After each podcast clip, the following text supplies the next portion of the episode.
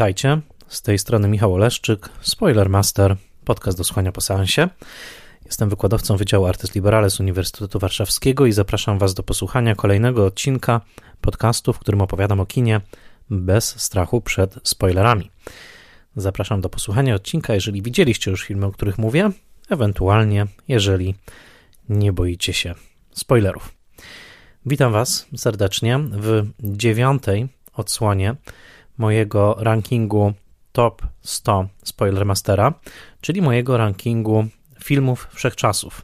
Ten subiektywny ranking 100, a jak się okazało ostatnio 101 arcydzieł mm, spotkał się z Waszym bardzo życzliwym przyjęciem. Bardzo dziękuję, że kibicujecie i że wysyłacie do mnie i komentarze do listy, i pytania o to, co będzie dalej, a także zgadujecie na podstawie różnych rozsianych poprzednich moich list, co też w tej pierwszej dwudziestce się znajdzie. Jest to dla mnie wielka radość po prostu dlatego, że ten cykl, jak żaden inny chyba w Spoilermasterze, pozwala mi na dzielenie się moimi fascynacjami w takiej skondensowanej formie.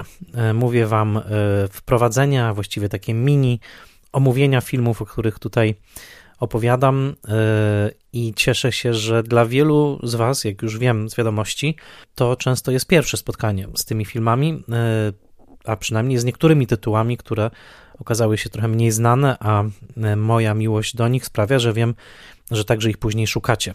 Dwie uwagi, zanim ruszymy na kolejne miejsca rankingu, bo dzisiaj powiem Wam o miejscach od 20 do 11.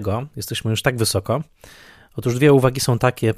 Po pierwsze, jest to oczywiście moja subiektywna lista, a zatem wszelkie zażalenia można kierować tylko pod adresem mojego gustu.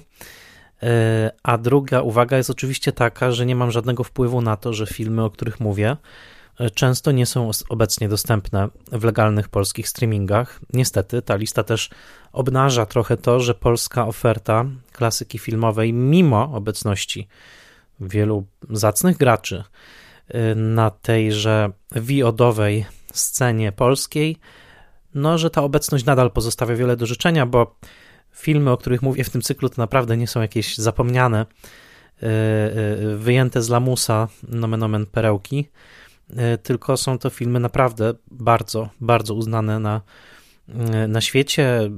Może niektóre filmy tutaj mogły być lekkim zaskoczeniem, ale ogólnie rzecz biorąc jest tak, że no niestety, ale także i dzisiaj mm, tylko dwa filmy, o których powiem, są obecnie na, pod waszym kciukiem na jedno kliknięcie, e, po prostu legalnie dostępne. Inne trzeba zdobywać innymi drogami. Oczywiście ja zawsze namawiam do tej drogi legalnej, to znaczy zakupy, zakupu płyty, ale wiem po pierwsze, że bywa to kosztowne, po drugie, często są to płyty zagraniczne, a zatem znowu pojawia się to ograniczenie z polskimi napisami, a zatem y, taki mały apel na początek tej listy.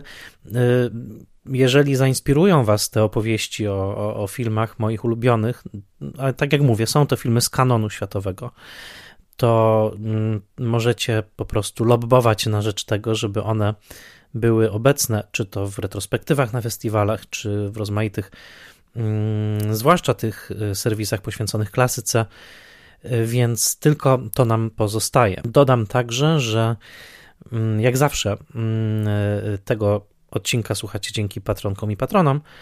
Powiem więcej o tym, jak można Spoilermastera wspierać na Patronajcie później w odcinku. Natomiast dzisiaj, jako że nagrywam ten odcinek w na początku listopada y, roku 2022. Y, bardzo chcę się i podzielić radością, ale także wystosować pewien apel. To znaczy, radością jestem nominowany, właściwie Spoiler Master został nominowany do nagrody Podcast Roku, co jest dla mnie no bardzo, bardzo dużą radością, bardzo dużym wyróżnieniem. To jest konkurs podcast roku y, imienia redaktora Janusza Majki. Y, no i jestem nominowany w, konkur w konkurencji Lifestyle, Kultura i Hobby. Także y, bardzo Was serdecznie zapraszam. Jeżeli uznacie, do, mm, że, to, że ten podcast jest tego warty, to zapraszam Was do oddania głosu, bo wciąż można głosować w plebiscycie publiczności na nagrodę publiczności. Wystarczy wejść na stronę www podcast roku pisane razem przez C, czyli podcast roku www.podcastroku.pl łamane przez Nagroda Publiczności. A zatem jeszcze raz www.podcastroku pisane przez c.pl łamane przez Nagroda Publiczności bez polskich znaków. Będę Wam bardzo wdzięczny za głos, oczywiście, jeżeli uznacie, że podcast jest e, tego głosu wart. Wspinamy się na wyżyny mojej listy. Jesteśmy już bardzo blisko pierwszej dziesiątki, a teraz e, druga dziesiątka. Dzisiaj opowiem Wam o filmach od miejsca 20 do 11. No i cóż, chyba nie ma na co czekać. Pora nam, tym razem dosłownie, ruszyć w daleką podróż. Did you all hear what the lieutenant said? What are you trying to do? Scare somebody? If you'll take my advice, ma'am, you won't take this trip. My husband is with his troops in Dry Fork. If he's in danger, I want to be with him. All right, folks. Hey, Curly, why don't you take the cuffs off the kid? He's mighty handy with a gun. You drive them horses. I'll take care of the kid. Na miejscu 20 Diligence Johna Forda, e, arcy-western z roku 1939 i film, którego historycznego znaczenia dla gatunku westernu nie da się przecenić. To z jednej strony e, waga tego filmu dla historii gatunku jest właśnie ogromna, a z drugiej strony jest to film, którego maestria opowiadania, skala tego opowiadania, jego energia i taka pewna wielowektorowość, bo jest to opowieść o dziewięciu różnych postaciach uwikłanych w jedną sytuację, do dzisiaj zachwyca. John Ford nakręcił w Diligencie najwybitniejszy western wszechczasów, co nie znaczy, że wolny od uprzedzeń swojego czasu. Za chwilkę powiem więcej o tym, jak portretowani są tutaj Apache, ale nie da się tego filmu odkleić od y, historii kina narracyjnego jako takiego, bo kto wie, czy ze wszystkich filmów epoki klasycznej, klasycznego Hollywoodu, to właśnie ten film nie jest najbardziej wirtuozerskim pokazem tego, jak można opowiadać z wielką ekonomią wyrazu. Film trwa półtorej godziny, a jednocześnie z wielką elegancją montażową, aktorską i z poczuciem, że oglądamy historię archetypiczną, która zahacza o najważniejsze tematy ludzkiego życia, takie jak narodziny i śmierć, miłość i nienawiść, bezpieczeństwo i brak tego bezpieczeństwa, a przede wszystkim cywilizacja i jej przekleństwa. Diligence, co bardzo ważne, bo kiedy myślimy o Johnie Fordzie, to często myślimy o nim właśnie jako o reżyserze westernów. Diligence był dla Johna Forda powrotem do gatunku westernowego po ponad dekadzie odpoczynku od tego dosyć już niemodnego w roku 1939 gatunku.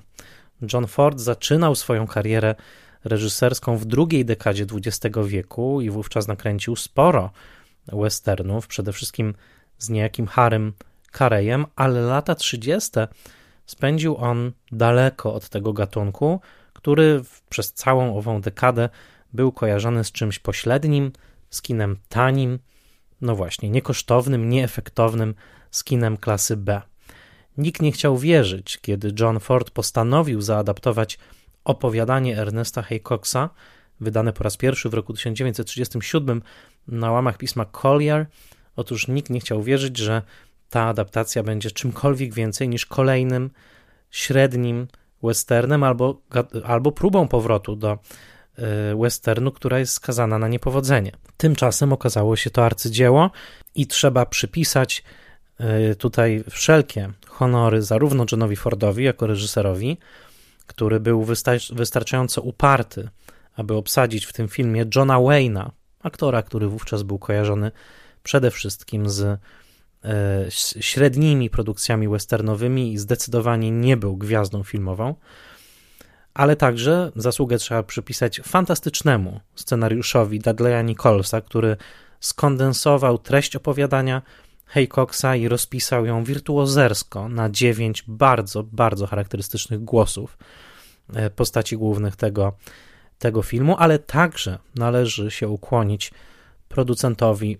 Walterowi Wengerowi, który uwierzył w Forda i mimo, że opierał się zwłaszcza obsadzeniu Wayne'a, koniec końców stanął po stronie reżysera, także w wyborze lokalizacji, jaką była umieszczona na granicy stanów Arizona i Utah Monument Valley, a zatem Dolina Monumentalna z niebywałymi wyniesieniami skalnymi, które stały się właśnie dzięki temu filmowi i dzięki późniejszym oczywiście emblematyczne dla filmowego westernu. Na liście mojej pojawił się już film Sergio Leone pod tytułem Pewnego razu na Dzikim Zachodzie. To było miejsce 37 mojej listy. Jeżeli mm, zajrzycie do odcinka, jaki nagrałem o tym filmie, to przypomnę wam, że tam Leone wręcz za taki punkt honoru, a na pewno jako magiczny talizman, uznał nakręcenie jednej sceny plenerowej właśnie w Monument Valley, która także się tam pojawia. Było to jak dotknięcie Johna Forda e, przez Sergio Leone, dotknięcie filmowej magii westernu.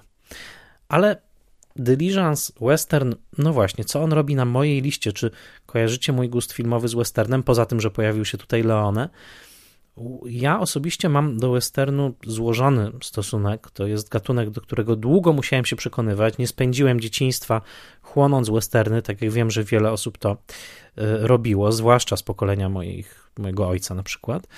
Natomiast e, muszę powiedzieć, że Diligence jest wielkim filmem, niezależnie od tego, czy lubicie westerny, czy nie. Głównie z tego względu, że jest filmem nieprawdopodobnie dobrze opowiedzianym. Orson Welles, kiedy przygotowywał się do kręcenia Obywatela Keina, e, który powstanie przecież w roku 1941, wielokrotnie powtarzał, że to właśnie ponad trzydziestokrotne obejrzenie dyliżansu, niemal klatka po klatce, przestudiowanie tego filmu pozwoliło mu na opanowanie podstaw gramatyki języka filmowego, mimo że przecież Orson Welles do żadnej szkoły filmowej nie chodził. Pytany o najwybitniejszego reżysera w historii, Orson Welles często odpowiadał John Ford, John Ford i John Ford. O czym jest Diligence? No właśnie, o grupce podróżników, którzy używają tytułowego środka lokomocji, aby przedostać się stąd w Arizonie do Lordsburga w Nowym Meksyku w czerwcu 1880 roku. Jesteśmy już po wojnie secesyjnej i ta wojna, która przeorała Stany Zjednoczone, wybudowując mur, który do dzisiaj, do końca pomiędzy południem i północą nie opadł. Otóż odpryski tej wojny są także w fabule samego filmu. Poznajemy galerię postaci, galerię stereotypów z jednej strony, ale galerię stereotypów, w które nieprawdopodobna obsada Johna Forda była w stanie tchnąć nowe, świeże życie.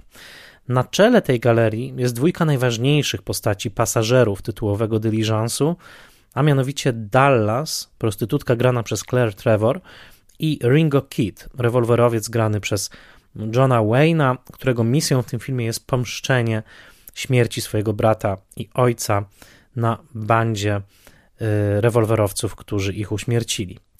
Dowodzi dyliżansem woźnica Buck, grany przez cudownego Andiego Devina, którego głos co chwilę załamuje się niemal jak w mutacji, w taki falset. Jest e, południowy gentleman, były wojskowy, właśnie z wojsk Konfederacji.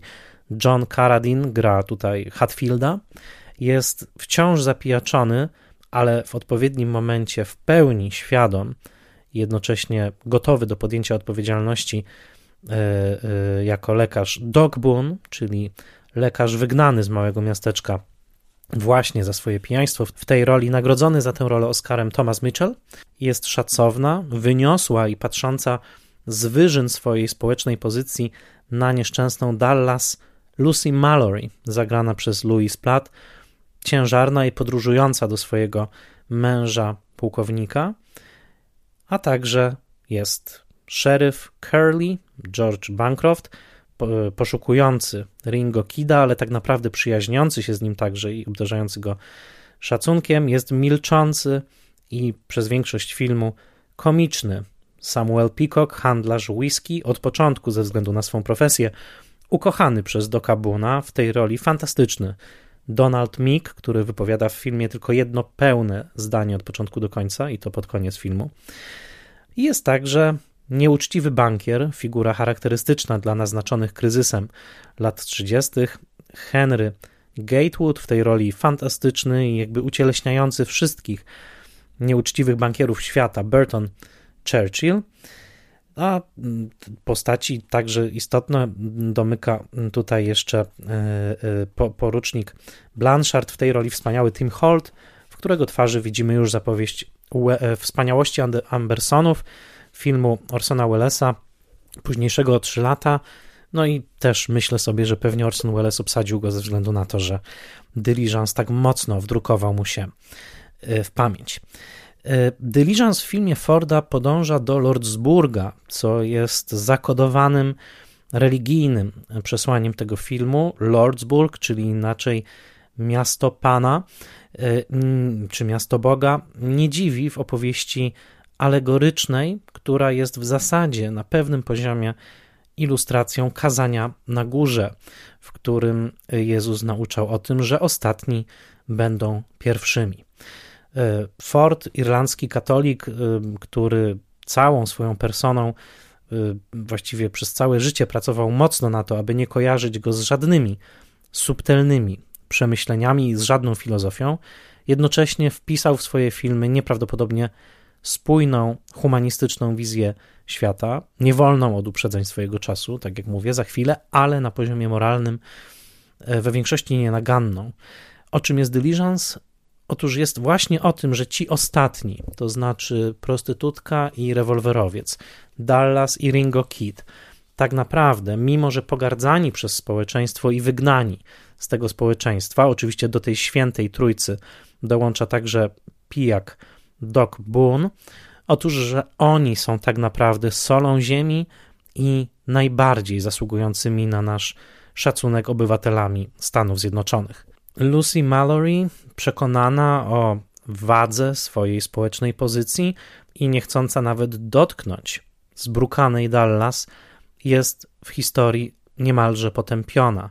Na koniec może miga dla niej malutka możliwość zbawienia, ale Ford nigdy nie wybaczy jej tego, że nie od razu poznała się na charakterze i dobrym sercu Dallas. Na tym sercu oczywiście od razu poznaje się Ringo Kid, który upiera się, aby inni pasażerowie dyliżansu traktowali Dallas jak damę, a centrum moralnym tej rzeczywistości jest tak naprawdę cudowny Thomas, Thomas Mitchell, właśnie jako Dog Boone, który z jednej strony unurzany jest w swojej ludzkiej słabości i w owej skłonności do kieliszka, która gubi go, o czym on bardzo dobrze wie, a z drugiej strony w momencie, kiedy obowiązek wzywa i trzeba odebrać poród e, właśnie Lucy Mallory, on staje na wysokości zadania i przede wszystkim to on w odpowiednich i strategicznych momentach tej historii rozbraja hipokryzję tych, którzy chcieliby oceniać innych. Hipokryzję faryzeuszy, hipokryzję lokalnych kobiet, które potępiają Dallas i na początku filmu z poczuciem moralnej wyższości wyrzucają ją stąd to w mieście Arizona. Film Diligence jest właśnie o tym. Oczywiście jest to film akcji, w którym nieprawdopodobna sekwencja ataku Apache na tytułowy Diligence do dzisiaj zadziwia i to nie tylko dzięki fantastycznej robocie kaskadera Jakimy Kanuta, który w pewnym momencie wpada pod konie i prześlizguje się pod ich kopytami i pod samym dyliżansem. To nie jest kukła, gdybyście się zastanawiali, oglądając tą nieprawdopodobnie dynamicznie sfilmowaną w plenerach Monument Valley sekwencję akcji.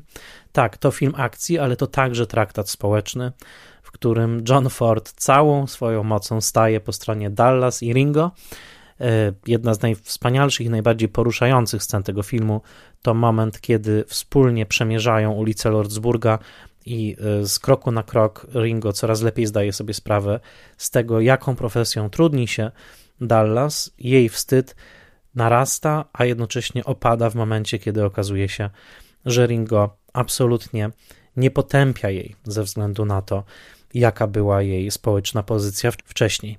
W dzisiejszych czasach wydaje się to mniej rewolucyjne. Jesteśmy w czasie wielkich przewartościowań, także jeśli chodzi o kwestie wstydu otaczających ludzką seksualność i pracę seksualną jako taką.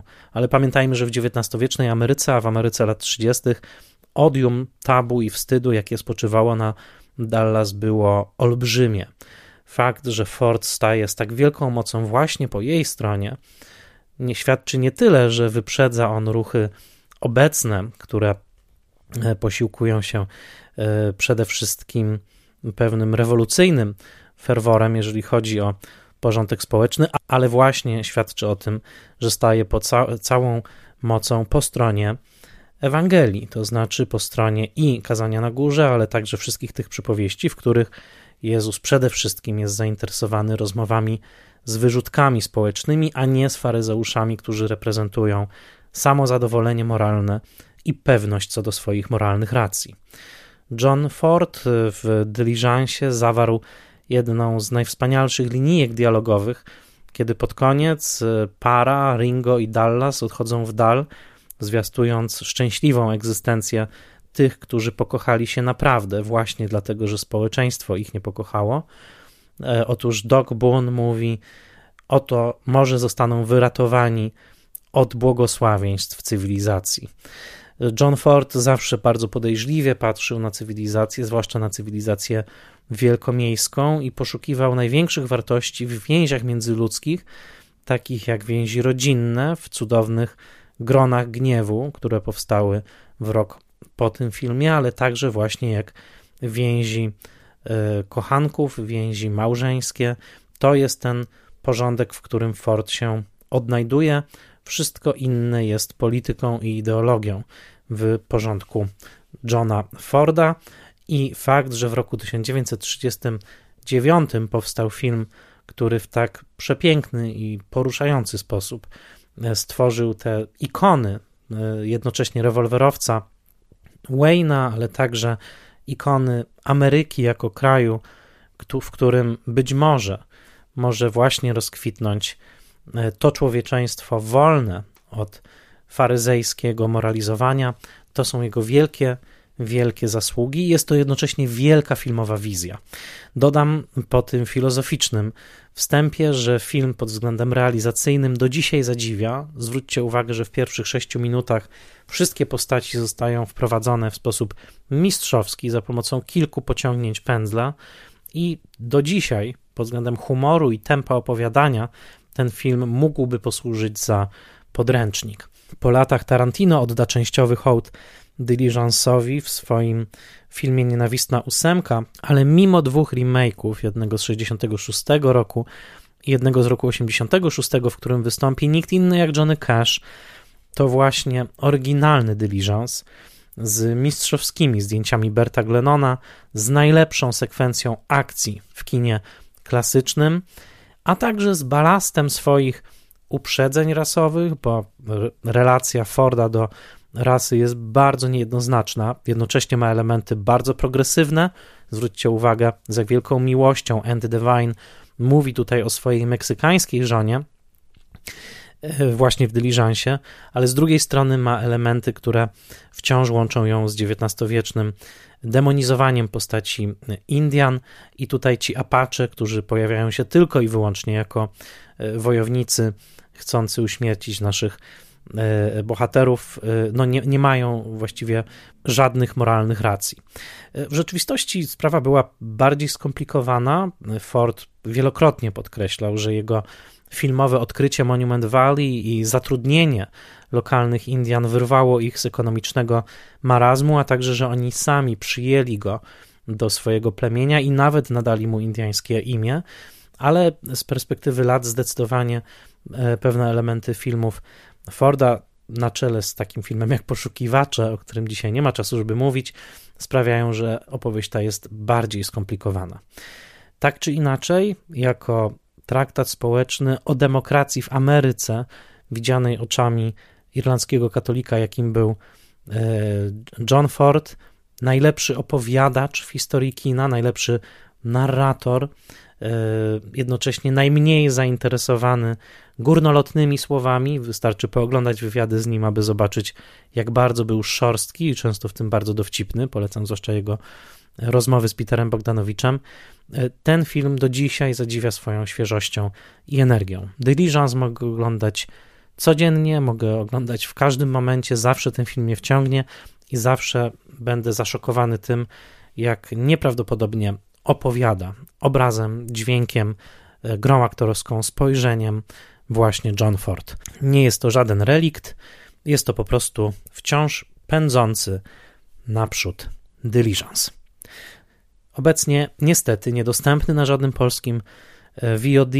E, jednocześnie dodam, że wydanie Kryteriona Diligence'u to jedno z najbogatszych wydań Kryteriona w historii tej marki. Jest to bardzo naładowany dodatkami e, dysk. Pora zatem na miejsce 19.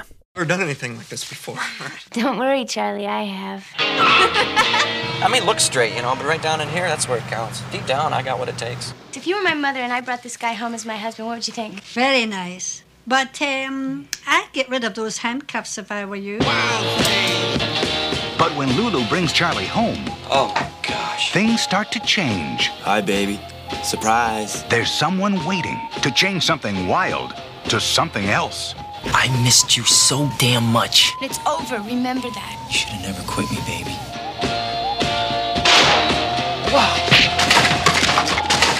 Na miejscu 19 film Dzika Namiętność. Film w reżyserii Jonathana Demiego z roku 1986, w oryginale Something Wild. W rolach głównych Melanie Griffith i Jeff Daniels jako Lulu i Charlie. Ona jest e, wielokulturową punkową, tak bym ją nazwał, z nowojorskiego East Village. On jest japiszonem, czyli takim japim pod krawatem, który gra na giełdzie i robi wielkie pieniądze w Nowym Jorku lat 80. Wyobraźcie sobie maklera z Wall Street Olivera Stone'a, może tego młodszego w wydaniu Charlie'ego Sheena. To mniej więcej taki typ. Nieprzypadkowo właśnie w tym miejscu listy pojawia się dzika namiętność, ponieważ bardzo mocno kojarzy mi się ten film z cudowną ostatnią linijką Diligence'u e, Johna Forda. Jeżeli Dallas i Ringo Kid na końcu filmu Forda byli uratowani przed błogosławieństwami cywilizacji, to zdecydowanie dotyczy to także Charliego i Lulu, którzy swoją dziką namiętność i zaskakującą miłość, przekraczającą granice klasowe i gatunkowe jednocześnie, bo film jest i komedią, i szokującym chwilami thrillerem, to właśnie oni mogą być parą, która symbolizuje taką udaną ucieczkę od cywilizacji. Film wyreżyserował Jonathan Demi, który już pięć lat później będzie odbierał Oscara za Milczenie Owiec. I jeżeli przestudiujecie czołówki tych dwóch filmów, to znaczy Milczenia Owiec i Dzikiej Namiętności, zobaczycie, że odpowiada za nie niemal dokładnie ta sama ekipa. Oczywiście, jeżeli chodzi o nie tyle o obsadę, co o współpracowników Damiego, bo i producent Kenneth Add, i zdję autor zdjęć Tak Fujimoto, i e, montażysta Craig McKay, oni wszyscy już tutaj są. To jest czas, kiedy Demi, po tym jak w latach 70. pracował przede wszystkim dla Rogera Cormana i ostrzył zęby na kinie eksploitacyjnym, to jest czas, kiedy on tworzy taką swoją żelazną trupę współpracowników. Jest już wówczas po ogromnym sukcesie, także Oscarowym, cudownego filmu Melvin i Howard, i jest w trakcie odkrywania Ameryki, ponieważ Jonathan Demi jak żaden inny reżyser w amerykańskim kinie e, był zainteresowany Ameryką w całej jej różnorodności. Różnorodności rasowej, etnicznej, kulturowej, także muzycznej. Na ścieżce dźwiękowej Dzikiej Namiętności rozbrzmiewa w sumie 49 różnych piosenek. Od reggae po salsy, od rocka klasycznego do rocka progresywnego w wydaniu pojawiającej się na ekranie grupy The Phillies. Jonathan Demi był wpatrzony w różnorodność amerykańskiego życia. Przede wszystkim uwielbiał spotykane po drodze twarze. E, często zatrudniał do swoich filmów naturszczyków odnalezionych w różnych miejscach, niemalże jak amerykański Fellini, a z drugiej strony rozkochany był w traszowym krajobrazie Ameryki biednej, Ameryki nie tej, którą widzimy w pierwszych ujęciach dzikiej namiętności, bo tam pobłyskuje między innymi World Trade Center, ale właśnie tej Ameryki prowincjonalnej, Ameryki z dykty, Ameryki stacji benzynowych, przydrożnych restauracji, rozpadających się salonów sprzedaży używanych samochodów. W tej Ameryce przede wszystkim rozgrywa się Something Wild i film kocham miłością absolutną. Widziałem go już tak wiele razy, że znam w zasadzie każdą scenę w tym filmie, ale przede wszystkim kocham go za to, jak, jak wielką maestrią Demi przerzuca skrzynię biegów pomiędzy gatunkami.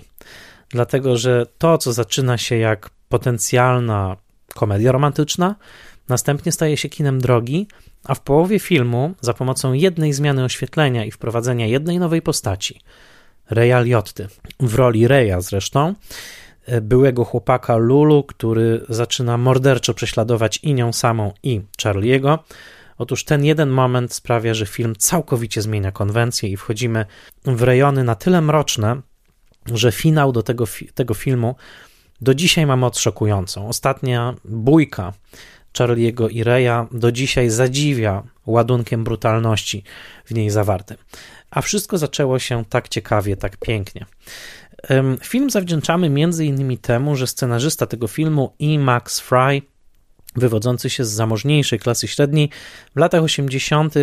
rozkochał się w Nowym Jorku, próbował być tam malarzem, a jako że czynsze były bardzo taniutkie w Eastville czy innych miejscach, rozpadających się i cudownie y, także uchwyconych, chociażby w filmach Jima Jarmusza, on tam sobie tak właśnie po artystycznemu żył i któregoś dnia zobaczył niezwykłą, zakochaną w sobie parę siedzącą przy stoliku w dinerze. Byli miłośnie w siebie wpatrzeni. Właśnie taki japiszon pod krawatem, zatopiony w oczach dziewczyny w stylu punk, która była mm, cała pokuta y, kolczykami, która miała postawione włosy do góry, wielokolorowe. I on zastanowił, nagle się zastanowił, co mogło ich zbliżyć do siebie, jak to, skąd się wzięła ta para, którą widzę, tego gościa pod krawatem, który trzaska kasę na Wall Street i właśnie tej dziewczyny, która pewnie wieczorami chodzi do klubu CBGB's i słucha y, zespołów takich jak Blondie. Y, dokładnie z tego międzyklasowego iskrzenia i ciekawości i Maxa Frya powstał scenariusz, który na szczęście trafił w ręce Jonathana Demiego, mimo że na początku wymarzonym reżyserem był tutaj Scorsese, który w tamtym samym czasie zrobił zresztą bardzo podobny film pod tytułem e, Po godzinach. Film buzuje od energii, buzuje od tej muzyki, którą tutaj wspomniałem. Już pierwsza piosenka specjalnie napisana do tego filmu przez Davida Berna, Loco de Amor, wprowadza właśnie taki bardzo luźny, latynoski rytm, Film kończy się także jako musical, ponieważ już kiedy akcja się skończy, nagle do mm, kamery e, odwraca się Sister Carol i zaczyna rapować piosenkę Wild Thing prosto do kamery, tym samym przypieczętowując ostatnią gatunkową przewrotkę, bo oto komedia romantyczna, która stała się thrillerem, na, w ostatnim momencie staje się jeszcze musicalem. To jest film kultowy dla wielu amerykańskich reżyserów. Noah Baumbach między innymi mówił, jak bardzo podziwia ten film i między innymi dlatego obsadził Jeffa Danielsa w swoim filmie Walka żywiołów The Squid and the Whale i zupełnie się nie dziwię, ponieważ taki film każdy chciałby zrobić. To jest film, który zainspirował też bardzo braci Savdich, to jest film rozchełstany, chwilami wydaje się trochę nawet bałaganiarski. Jednocześnie film, który, w którym reżyser tak mocno ukochał postaci tych aktorów, a jednocześnie tak świetnie się bawi gatunkiem, że zaczyna to mieć wszystko nowy zupełnie poziom. To znaczy, koniec końców jest to refleksja nad tym, czym jest cywilizacja, czym jest seksualność, czym są różnice klasowe i przede wszystkim temat filmu, który zostaje wypowiedziany wprost.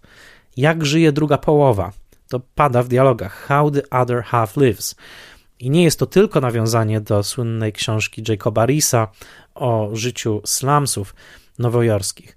Jest to nawiązanie do dwóch rzeczy. Po pierwsze, do klasy, czyli jak żyje ta druga połowa, ta połowa społeczeństwa, do której my nie należymy, niezależnie od tego, gdzie jesteśmy usytuowani, i jak żyje druga połowa nas samych, to znaczy no właśnie, to id, czy to, co jest wyparte, to, co jest pod powierzchnią, co by było, gdybyśmy oddali tym siłom siebie we władanie i gdyby to one na chwilę przejęły kierownicę, tak jak kierownicę przejmuje w tym filmie Lulu. O tym filmie pisałem swego czasu na łamach Filmwebu. Zachęcam Was do lektury mojego eseju. E, to jest e, tekst, który bardzo też, no, wydaje mi się, że mi się udał, tak powiem, że zawarłem tam to, co chciałem to, co chciałem tam powiedzieć. I tam też analizuję miejsce tego filmu w filmografii samego, mm, samego Demiego. Zacytuję jeden E, jeden akapit z tego, mm, z tego tekstu.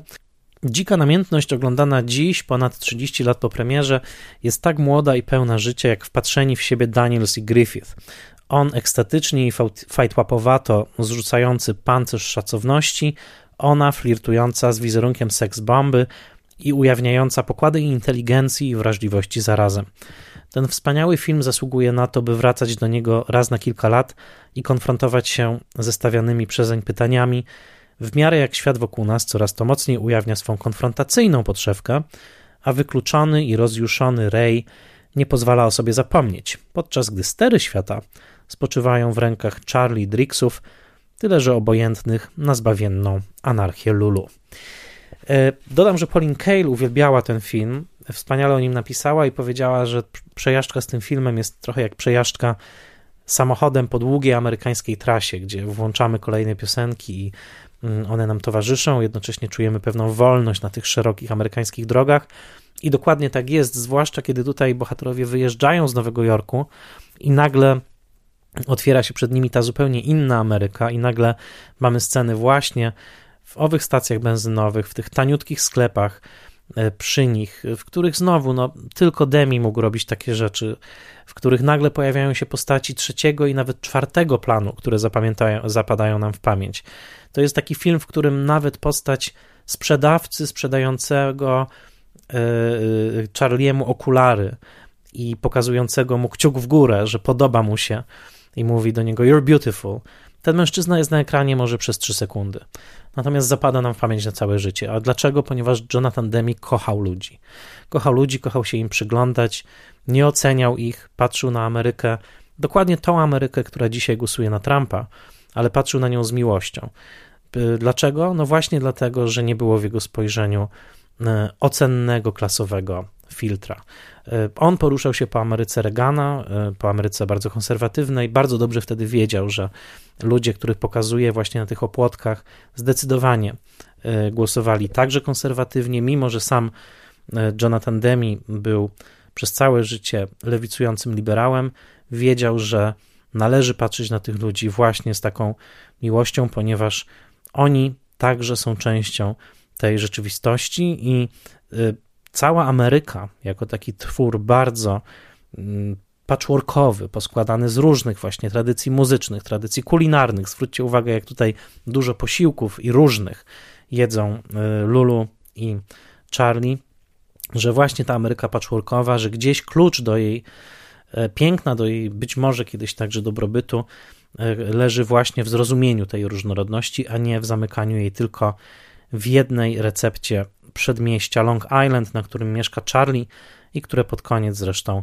opuści po to, żeby znowu znaleźć Lulu, która podróżuje gdzieś pomiędzy piętrami klasowymi tego świata, tego kraju, tego y, amerykańskiego marzenia.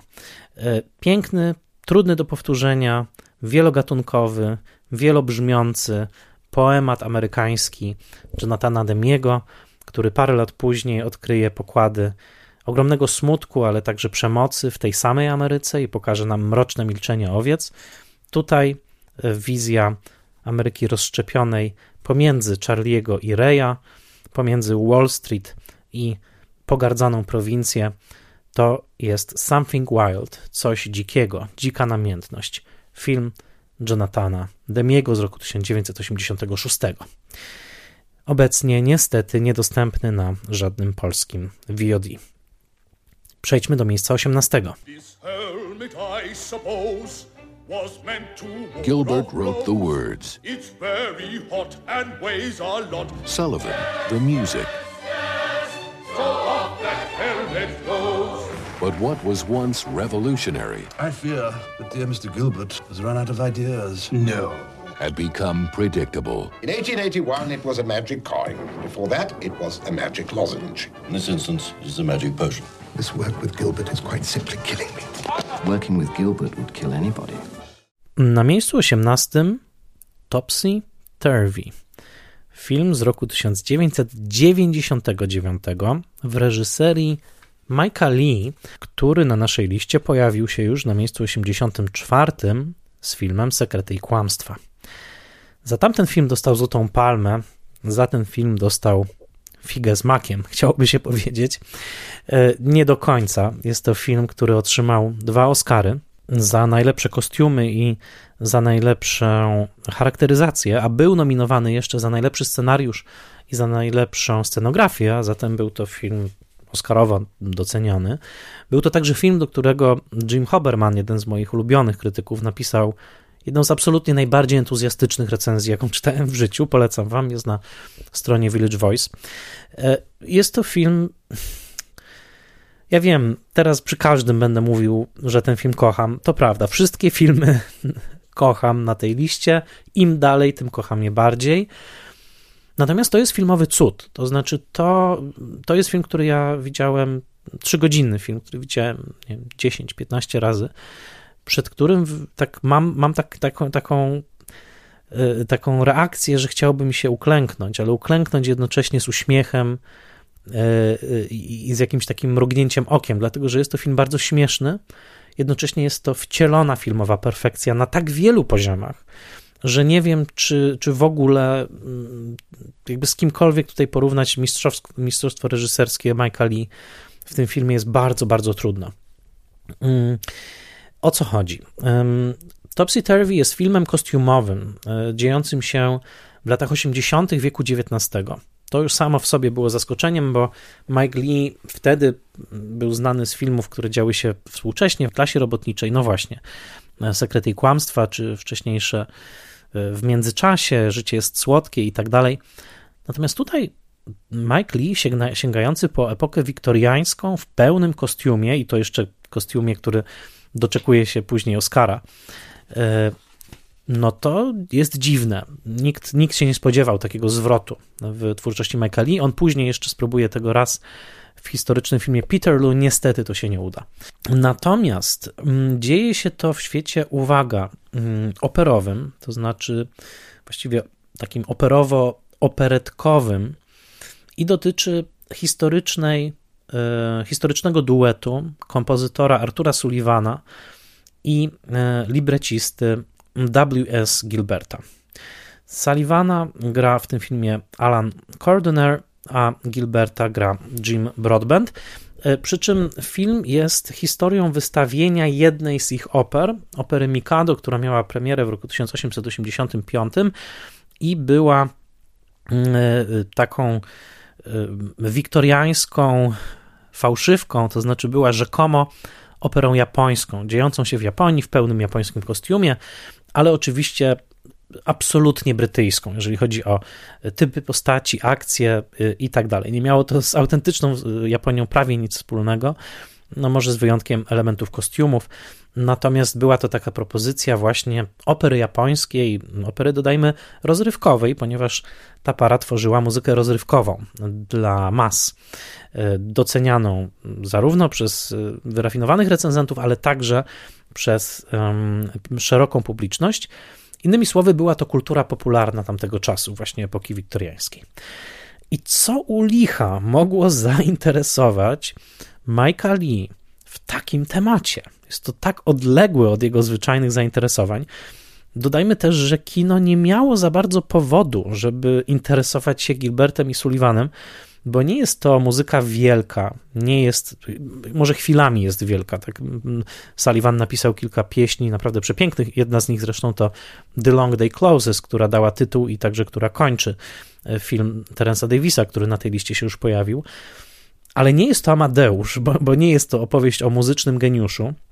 Nie jest to opowieść o zwycięstwie artysty nad, nad prawami rynku, ponieważ jest to historia właśnie o stworzeniu bardzo dochodowej, popularnej opery. Co Michael Lee, powtórzę to pytanie, co go mogło w tym e, skusić? No, wszyscy zadawali sobie to pytanie przed premierą I jak cudownie napisał Jim Haberman w swojej recenzji, tylko obejrzenie filmu jest w stanie zażegnać te wątpliwości. Znaczy, po obejrzeniu filmu dokładnie wiemy, dlaczego Mike Lee się tym zainteresował, i co więcej, wiemy to z, jednocześnie z pełnym przekonaniem, że że obejrzeliśmy arcydzieło. Kino unikało raczej Gilberta i Sullivana jako no, czegoś bardzo jako ramoty, jako czegoś pachnącego naftaliną. W 1939 roku była adaptacja mm, opery Mikado w reżyserii Wiktora Schlesingera. Y, później w roku 1953 był film Sydneya Gilliata, historia Gilberta i Sullivana, raczej zapomniany. Na początku lat 80. Y, kardiogram drgnął w górę, bo pojawił się film według Piratów z Penzance z Kevinem Kleinem i to był nawet taki, można powiedzieć, hit, bo, bo Klein zresztą grał wtedy także w broadwayowskiej wersji. I, I mało kto pamiętał, że Gilbert i Sullivan rzeczywiście w pewnym momencie tworzyli przeboje. Ale Michael Lee, który dorastał fascynując się mm, muzyką Gilberta i Sullivana, w której są ziarenka późniejszych musicalowych hitów, późniejszych współprac chociażby Rogersa i Hammersteina i późniejszych hitów Andrew Lloyda Webera. To jest taki e, proto-musical, ale to, co odnalazł Mike Lee w tej konkretnej opowieści, to jest historia po pierwsze twórczej współpracy, tego, co dzieje się między dwoma bardzo uzdolnionymi artystami, kiedy ich współpraca się wypaliła i kiedy oni zastanawiają się, czy stać na, na, na, coś jeszcze, czy my w ogóle mamy sobie coś jeszcze do powiedzenia, i w tym jest taki ładunek osobistej, jakiejś takiej inwestycji Michaeli, że jest to jeden z najwybitniejszych w ogóle filmów o relacji międzyludzkiej, właśnie relacji Sullivana i Gilberta. E, dodam, że w tym samym czasie kończyło się małżeństwo Michaeli i Alison Stedman, która pojawia się tutaj na ekranie w roli kostiumografki. I wydaje mi się, że fakt, że także Gilbert przechodzi tutaj mm, y, kryzys małżeński i z Sullivanem, i ze swoją żoną Kitty, która bardzo chciałaby mieć dziecko, a Gilbert cały czas unika tego tematu, że ten temat takiego właśnie roz, rozdzielenia czegoś, co było tak długo zespolone, i jest tematem dominującym topsy-turvy. Tytuł topsy-turvy oznacza dosłownie do góry nogami i w tym sensie jest to już w tytule ma wpisaną zmianę, to znaczy obrócenie czegoś do góry nogami. I ten film jest między innymi o tym. Dwóch mężczyzn w średnim wieku, obydwaj już z dolegliwościami fizycznymi, obydwaj odnieśli sukces, zależą od siebie w tej artystycznej współpracy, ale irytują się, tak jak stare małżeństwo. Nie mogą już, Sullivan nie może już patrzeć na libretta Gilberta, te kolejne historie o magicznych napojach, wróżkach i, i tak dalej, a, a Gilbert jest irytowany Sullivanem. I y, ten film rzuca ich na tło wiktoriańskiej Anglii, które jest odmalowane z taką empatią i z, taką, z takim detalem, że jest to zdumiewające. No nie, nie są przypadkowe te nominacje i te Oscary właśnie kostiumowo, scenograficzno y, charakteryzatorskie, tym bardziej, że film nie był bardzo drogi. Y, Mike'owi Lee nie udało się zdobyć odpowiednio dużo pieniędzy, żeby chociażby kręcić w wielu plenerach, przez co jest to film prawie całkowicie wewnętrzny, całkowicie umieszczony we, właśnie we wnętrzach.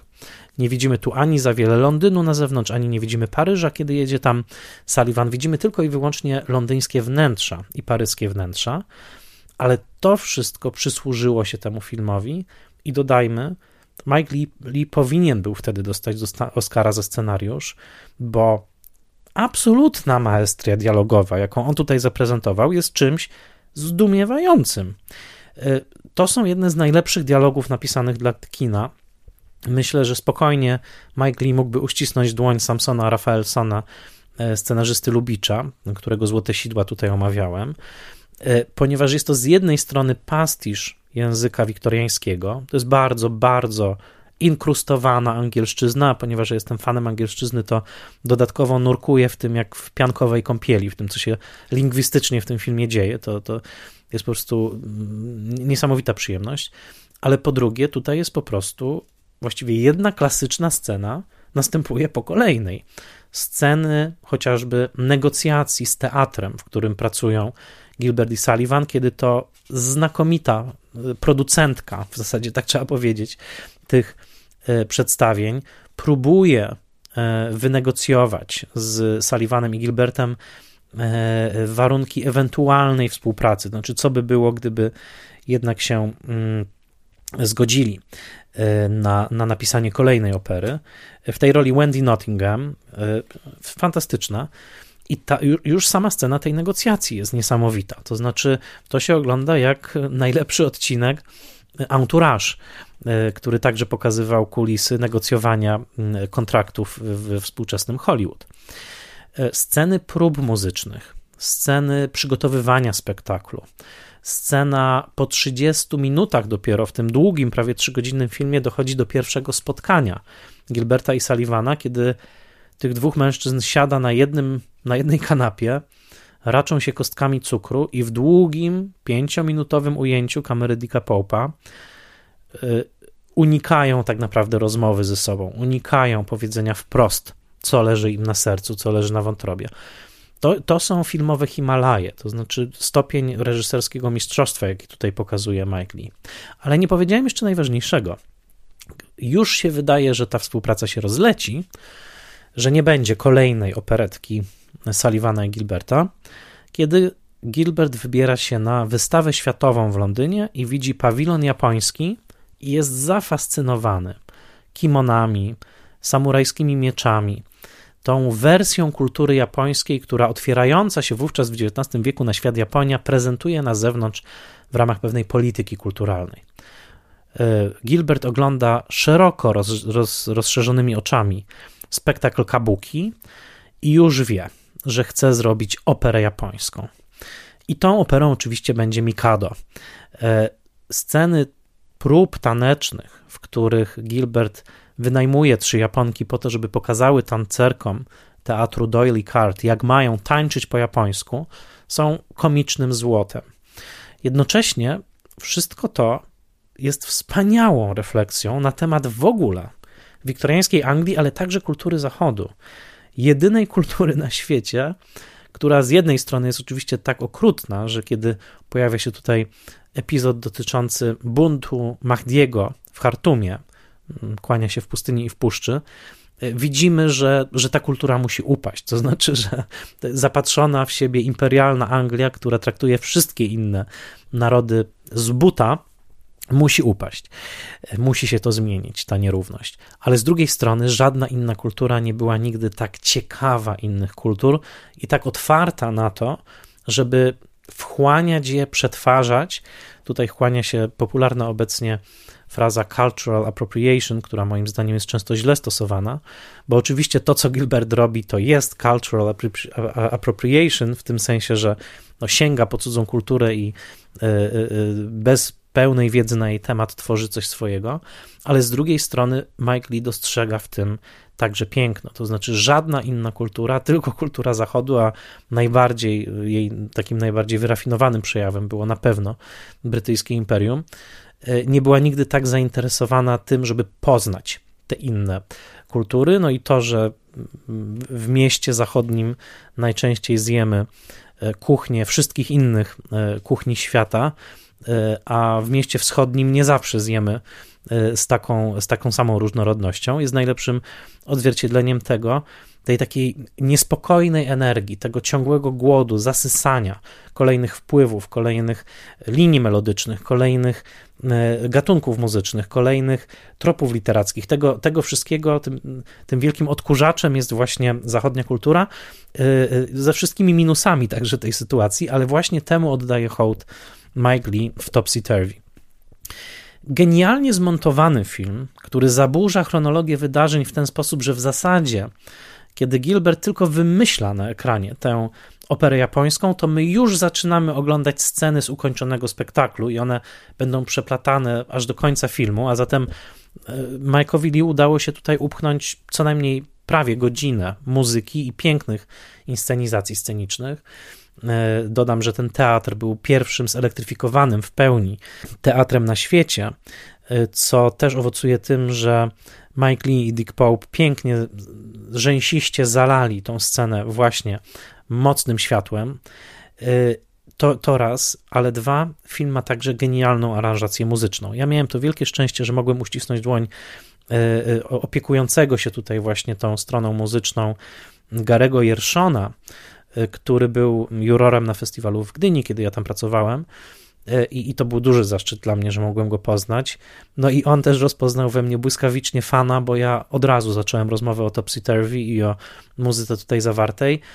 Na płycie Kryteriona z tym filmem jest wywiad z Jerszonem, a w zasadzie ten wywiad przeprowadza Mike Lee, więc panowie sobie rozmawiają o tym, no i tam widać, jak, jak, jak, jak gigantyczna ilość researchu historycznego weszła także w ten film, ponieważ um, jest to i portret intymny tej relacji, Gilbert i Sullivan, i portret intymny dwóch relacji małżeńskiej, to znaczy Gilberta i jego żony Kitty, ale także Sullivana i jego kochanki amerykańskiej.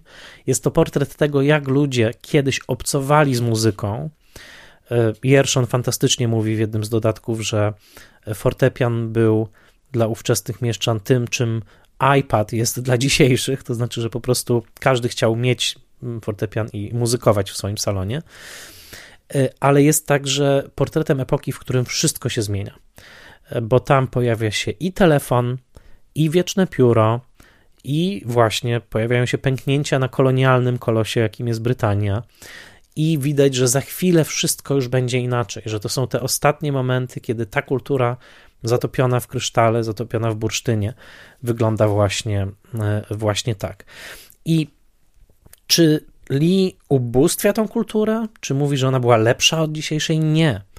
Wspaniale Lee mówił w wywiadach, że boska ironia topsy-turvy polega na tym, że świadkujemy narodzinom czegoś artystycznie wątpliwego. To znaczy, jest to bardzo sprawna muzyka, jest to do dzisiaj e, e, melodycznie bardzo interesująca rzecz, ale on mówi, że ironia polega na tym, że koniec końców na naszych oczach powstaje ten fałszywie japoński, nadmuchany, brytyjski, wiktoriański suflet, naładowany rodzynkami i śliwkami, ale jednak nie jest to ani Piąta Symfonia, ani dzieła Mozarta, które y, oglądamy w Amadeuszu. Co znowu nie znaczy, i tutaj odsyłam do tej nieoceniającej postawy Jonathana Demiego przy Dzikiej Namiętności, co nie znaczy, że Megli nie kocha tej kultury, bo on ją kocha, on się na tych płytach wychował, zna wszystkie te piosenki, wystarczy posłuchać z nim wywiadów, on jest w stanie cytować piosenki Gilberta i Sullivana z pamięci, ale tutaj on postanowił zanurzyć się w ten czas na jego własnych prawach nie oceniająco, tylko empatycznie. Jedna scena, scena, w której członkowie trupy Gilberta i Sullivana buntują się przeciwko decyzji Gilberta o wycięciu jednej z piosenek, co uderzyłoby w aktora, granego tu cudownie przez Timothy'ego Spala, jest jednocześnie sceną, w której Mike Lee składa swój mały podpis socjalisty, co mówię z dużym szacunkiem, pod tym filmem, mówiąc, że najważniejsze jest to, żeby pracownicy dbali o swoje prawa. I to jest scena wspólnego strajku, i w tym momencie poznajemy tego Mike'a Lee z jego innych filmów, tych bardziej politycznie zaangażowanych. Mógłbym o tym filmie mówić długo, może kiedyś będzie odcinek. Powiem jedno, na szczęście ten film wyszedł w pewnym momencie na polskim DVD. Chciałbym ozłocić w tym momencie Romana Gutka, firmę Gutek Film, która wydała box filmów Mike'a Lee i było, było tam Topsy Turvy z polskimi napisami i to jest jedyna wersja tego filmu z polskimi napisami dostępna. Łapcie ją, jeśli możecie, natomiast mnie się marzy coś takiego, żeby po pierwsze zobaczyć ten film z 35 mm, zobaczyć to, tą glorię zdjęć Dicka Paupa, glorię kostiumów i makijażu, który tu widzimy, glorię postaci, ponieważ jest tutaj około 100 ról mówionych i gdybym miał wymienić tych wszystkich aktorów, którzy tu grają genialnie, czasu by nie starczyło, bo to jest Iron Cook, i Leslie Manville, i Andy Serkis, który, no, jest ich mnóstwo, Martin Savage, e, e, absolutna parada wybitnych aktorów, więc moim marzeniem byłoby tak, zobaczyć ten film z 35 mm, z pięknym dźwiękiem i z literackim tłumaczeniem dialogów. Gdyby wziął się za to, nie wiem, Jerzy Jarniewicz, Jacek Denel, ktokolwiek z dobrym uchem do angielszczyzny y, i przetłumaczył te dialogi, ale tak, żeby one rzeczywiście oddawały sprawiedliwość tej frazie, którą tam genialnie zawarł i z aluzjami szekspiro, szekspirowskimi i innymi właśnie Mike Lee, to to, był mój, to był, byłbym szczęśliwy. Więc na miejscu 18 kończę już ten, ten pean, ale tak, to jest wielki film. Topsy Turvy, Mike Lee, film, który mógłbym oglądać dziesiątki razy i na pewno to jeszcze w życiu zrobię, e, bo myślę, że piękniejszego, bogatszego portretu i pewnej konkretnej przyjaźni, i pewnej konkretnej współpracy e, i dwóch tragicznych tak naprawdę relacji miłosnych, bo finał jest tutaj jednoznaczny, obydwie te relacje miłosne są tragiczne. Mm, jednocześnie jest to po prostu musical. To, to takiego filmu chyba już nie będzie. Jim Haberman w pewnym momencie nazwał go ostatnim wielkim filmem XX wieku i coś w tym jest. Topsy Turvy, miejsce 18. A teraz pora na miejsce 17.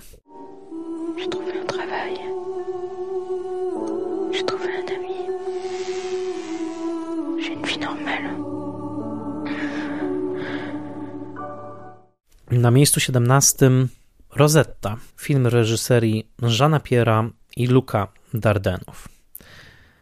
Jakież było zdziwienie, kiedy w roku 1999 jury kaneńskie pod przewodnictwem Davida Cronenberga przyznało Złotą Palmę filmowi reżyserów, o których prawie nikt nie słyszał.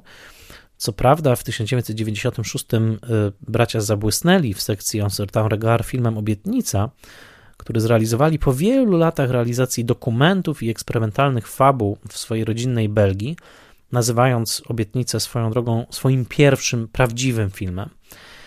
E, jeśli obejrzycie wcześniejsze filmy Dardenów, zdziwicie się, że to ci sami ludzie kręcili. E, zrobili m.in. film o Solidarności Gdańskiej. Natomiast w tym 1999 roku był to szok, tym bardziej, że było to jednogłośne przyznanie Złotej Palmy. Był to szok dla wszystkich, którzy nie widzieli wtedy jeszcze Rozetty. Pamiętam z jakim rozczarowaniem czytałem relacje z Jerzego Płażewskiego, czytając o filmie Rosetta, reżyserów, których nazwiska nic mi nie mówiły, liczyłem na to, że Palma pójdzie w ręce bardziej utytułowanych twórców. Po latach dopiero zobaczyłem film Rosetta, albowiem Rosetta nie doczekała się polskiej premiery kinowej. Nigdy, co jest to ogromną szkodą dla nas wszystkich. E, film do dzisiaj nie jest wydany nawet na polskim DVD. Natomiast Rosetta jest arcydziełem, jest arcydziełem przełomu wieków które nie tylko zrodziło setki naśladowców, ponieważ styl wymyślony przez Dardenów na potrzeby tego filmu potem rozplenił się nadmiernie. E, kamera chodząca za plecami bohatera, ograniczenie pola widzenia kamery, kamera z ręki, takie właśnie niemal dokumentalne podejście do bohatera, który chodzi, chodzi, chodzi, znajduje kolejną postać i wchodzi w nią interakcję, po, tym, po czym idzie dalej. Sami Dardenowie później doprowadzą to do manierystycznej przesady, prawie parodystycznej, jak w filmie z Marią Cotillard, dwie, dwie nocy, dwie, dwa dni, jedna noc. Natomiast Rosetta jest kryształem. To jest film czysty, to jest film wielki, film na temat pracy, film na temat tego, że życie bez pracy nie ma sensu, że sensem życia jest praca. Rosetta w sensie głębokim, filozoficznym. Rosetta jest grana przez Emily Duquesne, znalezioną w castingu z 6 tysięcy młodych dziewczyn. Ona miała wtedy 16-17 lat. Rosetta, Emil Duquesne wciela się w Rosettę, czyli w dziewczynę, która mieszka z matką alkoholiczką prostytuującą się na osiedlu przyczep. Tylko to nie są takie, dodajmy, troszkę luksusowe przyczepy, jak tych e, e, emerytów w Nomadland e, z Frances McDormand. Nie, to jest egzystencja na granicy upodlenia. E, egzystencja, w której Rosetta musi łowić, łowić ryby w pobliskim stawie, w którym nie może sobie pozwolić, żeby zmarnować jeden gram jedzenia, w którym musi sprzedawać ubrania e, w rozmaitych ciucheksach tylko po to, żeby przetrwać. Film rozpoczyna się od tego, że Rosetta jest wyrzucona ze swojej dotychczasowej pracy. I zaczyna się od długiego marszu Rosetty, od trzaśnięcia drzwi. Słyszymy trzaśnięcie drzwi i podążamy za Rosettą, która jak, jak byk jak jakieś po prostu siła natury, podąża przed siebie, rzuca się na swojego pracodawcę i pyta dlaczego. I takich scen w tym filmie jest dużo, ponieważ Rosetta chwyta się pracy. Jeżeli ją już dostanie, to chwyta się jej z całej siły. W pewnym momencie rozumiemy, że praca jest dla niej synonimem godności. Człowiek bez pracy tej godności w jej oczach nie posiada. Rosetta walczy całą sobą, żeby nie stracić szacunku do samego siebie i żeby nie upaść na dno, na które wpycha ją e, kapitalistyczna egzystencja i kapitalistyczna drabina. Momenty, w których Rosetta czepia się chociażby e, worka z mąką, framugi, e, półki, żeby tylko nie dać się wykopać, żeby nie dać się pokonać, są jednocześnie animalistyczne, mocne, fizyczne i genialnie sfilmowane. Ten film ma niesamowitą energię. Jest tak, jakby ktoś walnął całą mocą pięścią w stół, a jednocześnie to, co się rozlega, to nie jest huk, tylko to jest jakieś bicie serca tej dziewczyny, zrozumienie tego, że ona każdego dnia toczy walkę o to, żeby nie upaść na dno, żeby się nie poddać, po prostu, żeby walczyć, walczyć dalej. Myślę, że ten film był profetyczny. To był film, który powstał jeszcze przed kryzysem ekonomicznym roku 2008, tak jak mówię, na ćwierć wieku przed Nomadlandem, ale który pokazał, że przetrwanie w świecie jest walką. Jest walką o skrawek jedzenia, jest walką o skrawek wynagrodzenia, jest walką o kilka groszy, o kilka franków. I nie ma lepszego filmu o prekariacie, jako o stanie egzystencjalnym, ale także jako o stanie ciała. Ciała, które wie, że musi walczyć o to, żeby przetrwać. Nie ma lepszego filmu na ten temat niż właśnie e, Rosetta. Genialnie nakręcony, świetnie zmontowany, słusznie rozpoznany przez jury kaneńskie wtedy jako arcydzieło. Kolejna Złota Palma dla braci za film pod tytułem Dziecko będzie już troszkę na wyrost i im do takiej formy już się nie uda doskoczyć, mimo że chłopiec na rowerze będzie wybitny, to Rosetta była jak chlust świeżej, zimnej wody w świecie, który w latach 90. był bardzo z siebie zadowolony, ale który nawet nie przeczuwał, a bracia najwyraźniej to przeczuwali, że już wkrótce, zacytuję pewien serial, Winter is Coming i walka o przetrwanie będzie czymś bardzo namacalnym dla coraz to szerszej grupy prekariuszy, osób wykluczonych i osób, które po prostu każdego dnia budzą się ze ściskiem w żołądku, nie wiedząc, czy starczy im do pierwszego.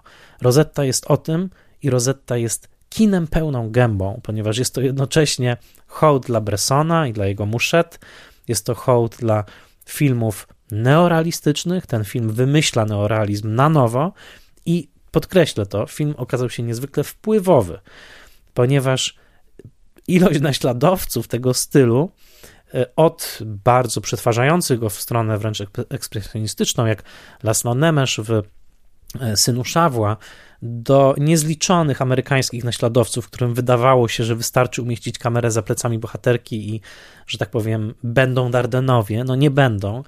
E, nie, ten film wymyślił cały styl oparty na bardzo rozbudowanych próbach z aktorami, na, e, a jednocześnie później właśnie na tym kręceniu z ręki i trochę na mm, zaskakiwaniu często operatora tym, co się wydarzało pomiędzy aktorami. E, to jest tak, jakby ktoś od razu postawił na stole gotową rzeźbę. To ta rzeźba, ten film stał się pewną matrycą dla filmów całej dekady następnej, ale nikomu się do takiego poziomu doskoczyć nie udało. E, wydaje do dzisiaj ten film obejrzałem ponownie, przygotowując się do odcinka. Jest to wciąż równie mocne stwierdzenie, równie mocny hołd dla tej dziewczyny, dla woli przetrwania e, w świecie, który, e, którego jednostka absolutnie nie interesuje, który jest ustawiony przeciwko jednostce. To jest Rosetta, wielki poemat, prekaryjny z czasu, kiedy jeszcze Europa Zachodnia i świat były pogrążone w błogiej drzemce i nie spodziewały się, że być może kiedyś, tak jak e, strach zajrzy oczy, w oczy Rozetty, e, tak strach zajrzy także w ich oczy. Wielkie kino braci Darden, miejsce 17, film pod tytułem Rosetta, Złota Palma w Cannes, obecnie niedostępny na żadnym polskim VOD. Przejdźmy do miejsca 16. In October, my brother and I left Ohio. We were driving to California. We got into Dallas on a Thursday night. Friday morning while I'm eating eggs and drinking coffee, I get a good job. I mean, it's, you know, all these people are supposedly out of work. I'm not in town a half a day and I've got a job. It just, everything clicked. It's as if I was meant to be here. Na miejscu 16 cienka niebieska linia. Rok 1988, film dokumentalny w reżyserii Rola Morisa. Nie mylić z cienką czerwoną linią Terensa Malika. Cienka niebieska linia to dokumentalna opowieść o Randalu Adamsie, który został niesłusznie oskarżony i skazany na najpierw na karę śmierci, następnie na dożywocie za zastrzelenie policjanta w Teksasie w roku 1976. Randall Adams wyszedł z więzienia e, uniewinniony, ale wyszedł z niego dzięki temu filmowi, ponieważ właśnie Cienka Niebieska Linia i reżyser Elor Morris dowiedli za pomocą śledztwa, które rozgrywa się na naszych oczach w tym filmie, że Randall Adams nie, byłby, nie mógł być mordercą. Gdyby nie ten film, Randall Adams zostałby w więzieniu do końca życia. To nie tylko dowód na to, że film może zmieniać rzeczywistość na lepsze, ale także dowód na wielką kreacyjną moc kina dokumentalnego. Wiem, że dziwnie to brzmi. Nie chodzi mi tylko o to, że ten film wykreował nową rzeczywistość, w której Randall Adams wyszedł na wolność. Chodzi mi bardziej o to, jakich środków użył Errol Morris do tego, aby wykreować swoją ekranową wizję poplątanej prawdy. Prawdy, którą trudno rozplątać, ale która ostatecznie ulega na naszych oczach pewnemu wyprasowaniu, wyprostowaniu, wyjaśnieniu. Ten film nie, nie był nominowany do Oscara za najlepszy film dokumentalny w roku 1988, ponieważ uznano, że za wiele w nim tak zwanych rekonstrukcji, to znaczy scen odtworzonych, e, wyreżyserowanych ponownie przez Rola Morrisa, ale nie zrozumiano wtedy, że Morris, dokonując tych rekonstrukcji, tak naprawdę poszerza język filmu dokumentalnego. Bo na czym polega cienka niebieska linia? Polega ona na tym, że na naszych oczach toczy się śledztwo, na naszych oczach mówią świadkowie, sędziowie, prokuratorzy, e, sami mm, uczestnicy zdarzeń, e, ale jednocześnie na naszych oczach rozwijają się wersje wydarzeń, jakie ci rozmaici świadkowie przytaczają, a wersje te są pieczołowicie przez Morisa odtwarzane. A zatem kilkanaście razy jesteśmy przy samochodzie policyjnym, przy którym pada trupem policjant zastrzelony tej nocy, ale za każdym razem scena ta jest zrobiona odrobinę inaczej, właśnie w zgodzie ze słowami, które słyszymy z zakadru. Na ekranie oglądamy mapy, diagramy, repertuary kinowe tego wieczora, repertuary telewizyjne, kiedy tylko bohater mówi, że tego wieczora oglądał konkretny program telewizyjny. Poznajemy całą topografię miejsca zdarzenia i topografię miasteczka. Poznajemy jego stratyfikację klasową i rasową. Poznajemy wartości, ale także uprzedzenia rządzące małą teksańską społecznością, które koniec końców odpowiedzialne są za to, że Randall Adams jako przyjezdny, jako outsider i co gorsza, outsider z dużymi, długimi, yy, yy, krzaczastymi włosami, a zatem hippies, że to właśnie on trafia za kratki, a nie lokalny chłopak, który koniec końców okazuje się prawdziwym sprawcą. Ten film jest hipnotyczny. Jest to hipnotyczne, dokumentalne śledztwo, które zostaje wywindowane do góry nie tylko mm, mistrzostwem formalnym, montażowym e, Morisa, ale także muzyką, którą do tego filmu specjalnie napisał Philip Glass. To jest ścieżka dźwiękowa, która przeszła do historii kina. E, Morris był zafascynowany Glassem i właściwie układał ten film pod muzykę z filmu Mishima, którą wcześniej skomponował Glass i udało mu się namówić Glassa do stworzenia muzycznej ilustracji, która zabiera nas w głąb szaleństwa całej sytuacji, bo sytuacja, w której niewinny mężczyzna trafia za kratki, sytuacja, w której lokalne uprzedzenia w sposób wręcz nagi, wręcz jawny sprawiają, że przyszłość tego człowieka zostaje przekreślona i że fakty zostają tak zamącone, tak zamotane, że nagle wokół tego człowieka wyrastają kraty, to jest rzeczywistość szalona. Jest to jednocześnie absurdalna komedia pomyłek. Cienka niebieska linia bierze na warsztat pomyłkę sądową i czyni z niej komedię omyłek. Czarną, absurdalną, przerażającą, bo każdy z nas bałby się paść ofiarą takiej pomyłki, a jednocześnie postaci występujące w tym filmie od tych światłych, które dążą do niewinności, do uniewinnienia e, Randala, e, poprzez tych, którzy z taką niemalże frajdą wrzucali go za te kratki. To wszystko jest jakaś niebywała obsada prawie molierowskiej komedii. Każdy z nich mówi inaczej, każdy z nich jest charakterystycznym typem ludzkim, a Morris tak dobiera materiał, że na naszych oczach powstaje coś w rodzaju e, panoramy omyłek złej i dobrej woli i rzeczywistości, która w jedną noc i właściwie w jeden kwadrans całkowicie odmieniła życie jednego człowieka. Być może jesteście zaskoczeni obecnością tego filmu na tej liście. To najwyżej notowany przeze mnie dokument, chociaż hmm, to jeszcze zobaczymy. E, będą na tej liście jeszcze pewne hybrydy.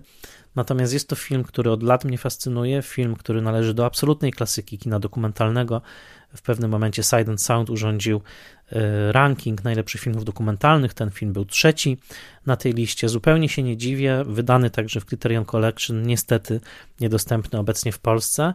Film, który przykuwa do ekranu od pierwszej sekundy. Jest to najlepszy film True Crime, jaki widziałem, a jednocześnie film, który artystycznie jest majstersztykiem. I zdjęcia, i muzyka Filipa Glassa, i genialny montaż cały kształt artystyczny tego filmu sprawiają, że jest to poza wszystkim innym także robota filmowa na poziomie więcej niż wybitnym, na poziomie wielkim. I Errol Morris tym filmem udowodnił nie tylko, że filmy dokumentalne mogą zmieniać rzeczywistość, ale także, że forma filmu dokumentalnego może być integralna z jego treścią, że to dociekanie prawdy i rozplątywanie skrzepu, rozplątywanie jakiegoś supła kłamstw jest także działalnością artystyczną. Ten film kojarzy mi się zawsze bardzo z filmem Nie wiem Kieślowskiego, w którym Kieślowski postawił sobie podobne zadanie, tylko że przeprowadził je inaczej. Swoją drogą obydwoje bohaterowie zbuntowali się potem przeciwko swoim twórcom. Randall Adams, koniec końców, co za ironia, pozwie Rola Morrisa, twierdząc, że ten by chciał sobie przywłaszczyć jego historię. No ale faktem jest, że Adams wyszedł z więzienia dzięki Morrisowi. E, tak czy inaczej, film ten był analizowany na różne sposoby. E, koniec końców jest wielkim przypomnieniem tego, że samo dociekanie prawdy i samo tworzenie reportażu, bo w pewnym sensie tym właśnie ultra wyrafinowanym filmowym reportażem jest Cienka Niebieska Linia. Otóż tym wszystkim jest właśnie ten dokumentalny majstersztyk Rola Morrisa, film, który wbił mnie w ziemię, kiedy obejrzałem go po raz pierwszy i który od tamtego czasu oglądam co jakiś czas. Za każdym razem wywołuje on we mnie dreszcz przerażenia, bo pokazuje, że dosłownie jedna decyzja o tym, czy pójdziemy w prawo, czy w lewo, potrafi czasami wykoleić całe nasze życie. E, Cienka niebieska linia to miejsce 16 na mojej liście, pora na miejsce 15. Ale zanim e, powiem, co za film jest na 15 miejscu, przypomnę Wam, że tego odcinka i wszystkich odcinków Spoilermastera słuchacie dzięki patronkom i patronom. To dzięki ich wsparciu mogę nagrywać dalej, dzięki ich wsparciu mogę umieszczać te odcinki w wolnej przestrzeni internetu e, bez żadnych opłat. To bardzo ważne. Ta społeczność prawie 400 osób to producenci mojego show, można powiedzieć. Bez ich wsparcia czy tego najskromniejszego, czy tego bardziej hojnego, nie byłoby audycji, którą właśnie słuchacie. E, rozważcie proszę, czy chcecie dołączyć do tej społeczności. Czekają na Was także bonusy, takie jak e, cotygodniowy obszerny newsletter, czy comiesięczne webinary na żywo. Ostatni webinar o Ojcu Chrzestnym trwał 5 godzin. 5 bitych godzin i był fascynujący. E, rozmawialiśmy do późnych godzin nocnych. A zatem rozważcie to proszę. Jeśli podoba Wam się ta audycja, to wiedzcie, że to właśnie dzięki tej społeczności ona powstaje i możecie być także częścią tej społeczności i być ze mną także w codziennym kontakcie, bo tak to wygląda w grupie Spoiler Master Patron na Facebooku, która jest grupą tajną. A zatem serdecznie zapraszam i jednocześnie dziękuję przede wszystkim moim patronkom i patronom imiennym a zatem Festiwalowi Mediów Człowiek w Zagrożeniu w Łodzi, Łukaszowi Daleckiemu, Agnieszce Egeman, Sebastianowi Firlikowi, Odjemu Hendersonowi, Beacie Hołowni, Adamowi Andrzejowi Jaworskiemu, Annie Jóźwiak, Bartłomiejowi Kłosiewiczowi, Tomaszowi Kopoczyńskiemu, Iwonie Oleszczuk-Jaźwieckiej, Annie i Krystianowi Oleszczykom, Władimirowi Panfiłowowi, Mateuszowi Stępniowi, Weronice Więsyk, Jackowi Wiśniewskiemu, Jerzemu Zawadzkiemu i Tomaszowi Mączce, autorom podcastu Let's Make Movies, blogowi Przygody Scenarzysty, prezentującemu analizy scenariuszowe, portalowi Outfilm, oferującemu szeroki wybór filmów o tematyce LGBT+. Przypomnę także, że Spoilermaster jest oficjalnym partnerem spaceru oscarowego, będącego częścią szlaku Łodzi Miasta Filmu UNESCO. A teraz zabiorę was na szlakiem do innego miasta, bo na miejscu 15 Well, what the fellow said. Mentally, for 30 years under the Borgias, they had warfare, terror, murder, and bloodshed, but they produced Michelangelo, Leonardo da Vinci, and the Renaissance. In Switzerland, they had brotherly love. They had 500 years of democracy and peace, and what did that produce? The cuckoo clock. So long, Holly. Na miejscu 15 Trzeci Człowiek, film w reżyserii Karola Rida, oparty na noweli filmowej Grahama Greena, w, osadzony w powojennym Wiedniu ze wspaniałą obsadą Joseph Cotton, Alida Valli, Orson Welles i Trevor Howard. Rok 49, Wiedeń wciąż podzielony pomiędzy e, powojennych zwycięzców, a zatem mamy oddzielne strefy amerykańską, brytyjską, francuską i tak dalej, e, oczywiście sowiecką i do Wiednia przyjeżdża niejaki Holly Martins, autor groszowych, bardzo naiwnych westernów, Amerykanin z uśmiechniętą twarzą, który chce odnaleźć swojego przyjaciela Harry'ego Lima. Ale Harry nie żyje, a przynajmniej tak się wydaje na początku tej opowieści. E, Holly, bardzo podobne imię do Harego, ponieważ są oni jak dwie strony tej samej monety, zanurza się w Oscarowo filmowany przez Roberta Kraskera Wiedeń, często filmowany po skosie, zanurzony w ekspresjonistycznych cieniach i zalany muzyką graną na cytrze przez Antona Karasa, która nadaje całości niezwykle środkowo-europejskiego posmaku, chwilami zabawnego, a chwilami mrożącego krew w żyłach. To chyba najlepszy thriller w historii kina, jednocześnie najgłębszy. Film o głębokim moralnym pogubieniu świata powojennego, o tym, że bohaterowie okazują się łachudrami, a ci, których oceniamy surowo, często są e, tak naprawdę ludźmi prawymi. Holly Martins chce spojrzeć na powojenną Europę tak, jak patrzy na amerykański Zachód, na którym są ci prawi kowboje i ci, którzy są złoczyńcami. Ale na tę rzeczywistość nie da się do końca tak spojrzeć. Harry Lime, dodajmy, zagrany przez Orsona Wellesa, jest figurą moralnej ambiwalencji, figurą niezwykle czarującą, a jednocześnie trochę diaboliczną. W odpowiednim momencie Harry wygłasza swój słynny monolog o tym, że zbrodnie Borgiów i krwawe rządy e, włoskich arystokratów zrodziły piękno renesansu od Michała Anioła po Leonarda da Vinci. Tymczasem cóż zrodziła pokojowa Szwajcaria? Zegar z kukułką?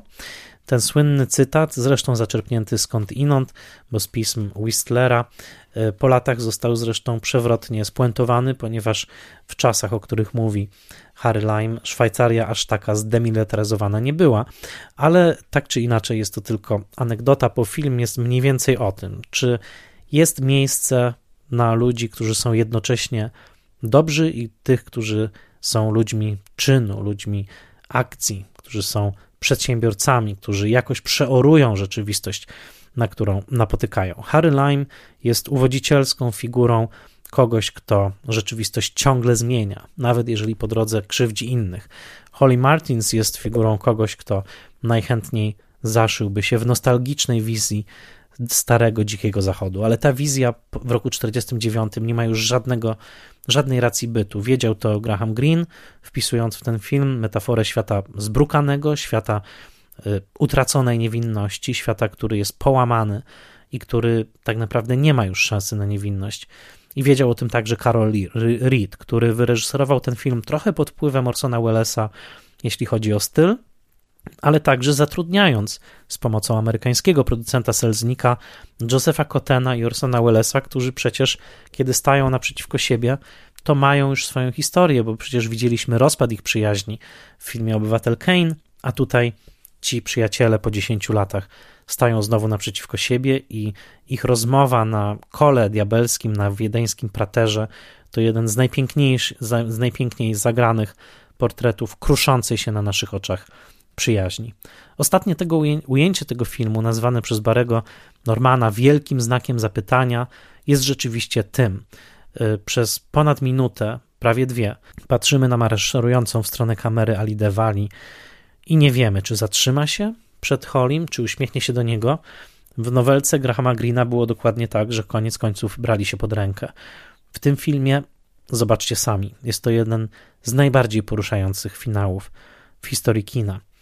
Same, można powiedzieć, szczęśliwe wybory i szczęśliwe zbiegi okoliczności. Od przypadkowo odkrytego Karasa, który stworzył to, co Robert, Roger Ebert nazwał najlepszą ścieżką dźwiękową w historii kina, po idealne sparowanie amerykańskich i brytyjskich aktorów i po zatrudnienie niezliczonych aktorów austriackich, którzy tutaj często mając za sobą rolę w dziesiątkach filmów niemieckojęzycznych, ewentualnie dziesiątki ról scenicznych, tworzą niewielkie epizody Wiedeńczyków od krzyczącej i nie, ciągle strofującej wszystkich e, starszej kobiety, dozorczyni, która wychodzi ze swojego mieszkania owinięta w kołdrę, po dozorców i innych bywalców wiedeńskich klubów. To wszystko jest tak autentyczne, nie jest udawane, że film wydaje się dosłownie wykrojony z tego Wiednia powojennego i nic dziwnego, że dzisiaj w Wiedniu także można się udać na wycieczkę szlakiem y, trzeciego człowieka.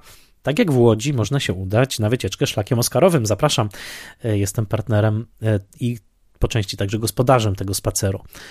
Trzeci człowiek to majstersztyk, film klarowny i jednocześnie lekko trujący niczym kieliszeczek zmrożonej wódki wypity gdzieś do sznycla wiedeńskiego, gorycz powojennego świata, pytanie o to, co dalej, a jednocześnie gatunkowe mistrzostwo i fantastyczna oprawa plastyczno-muzyczna.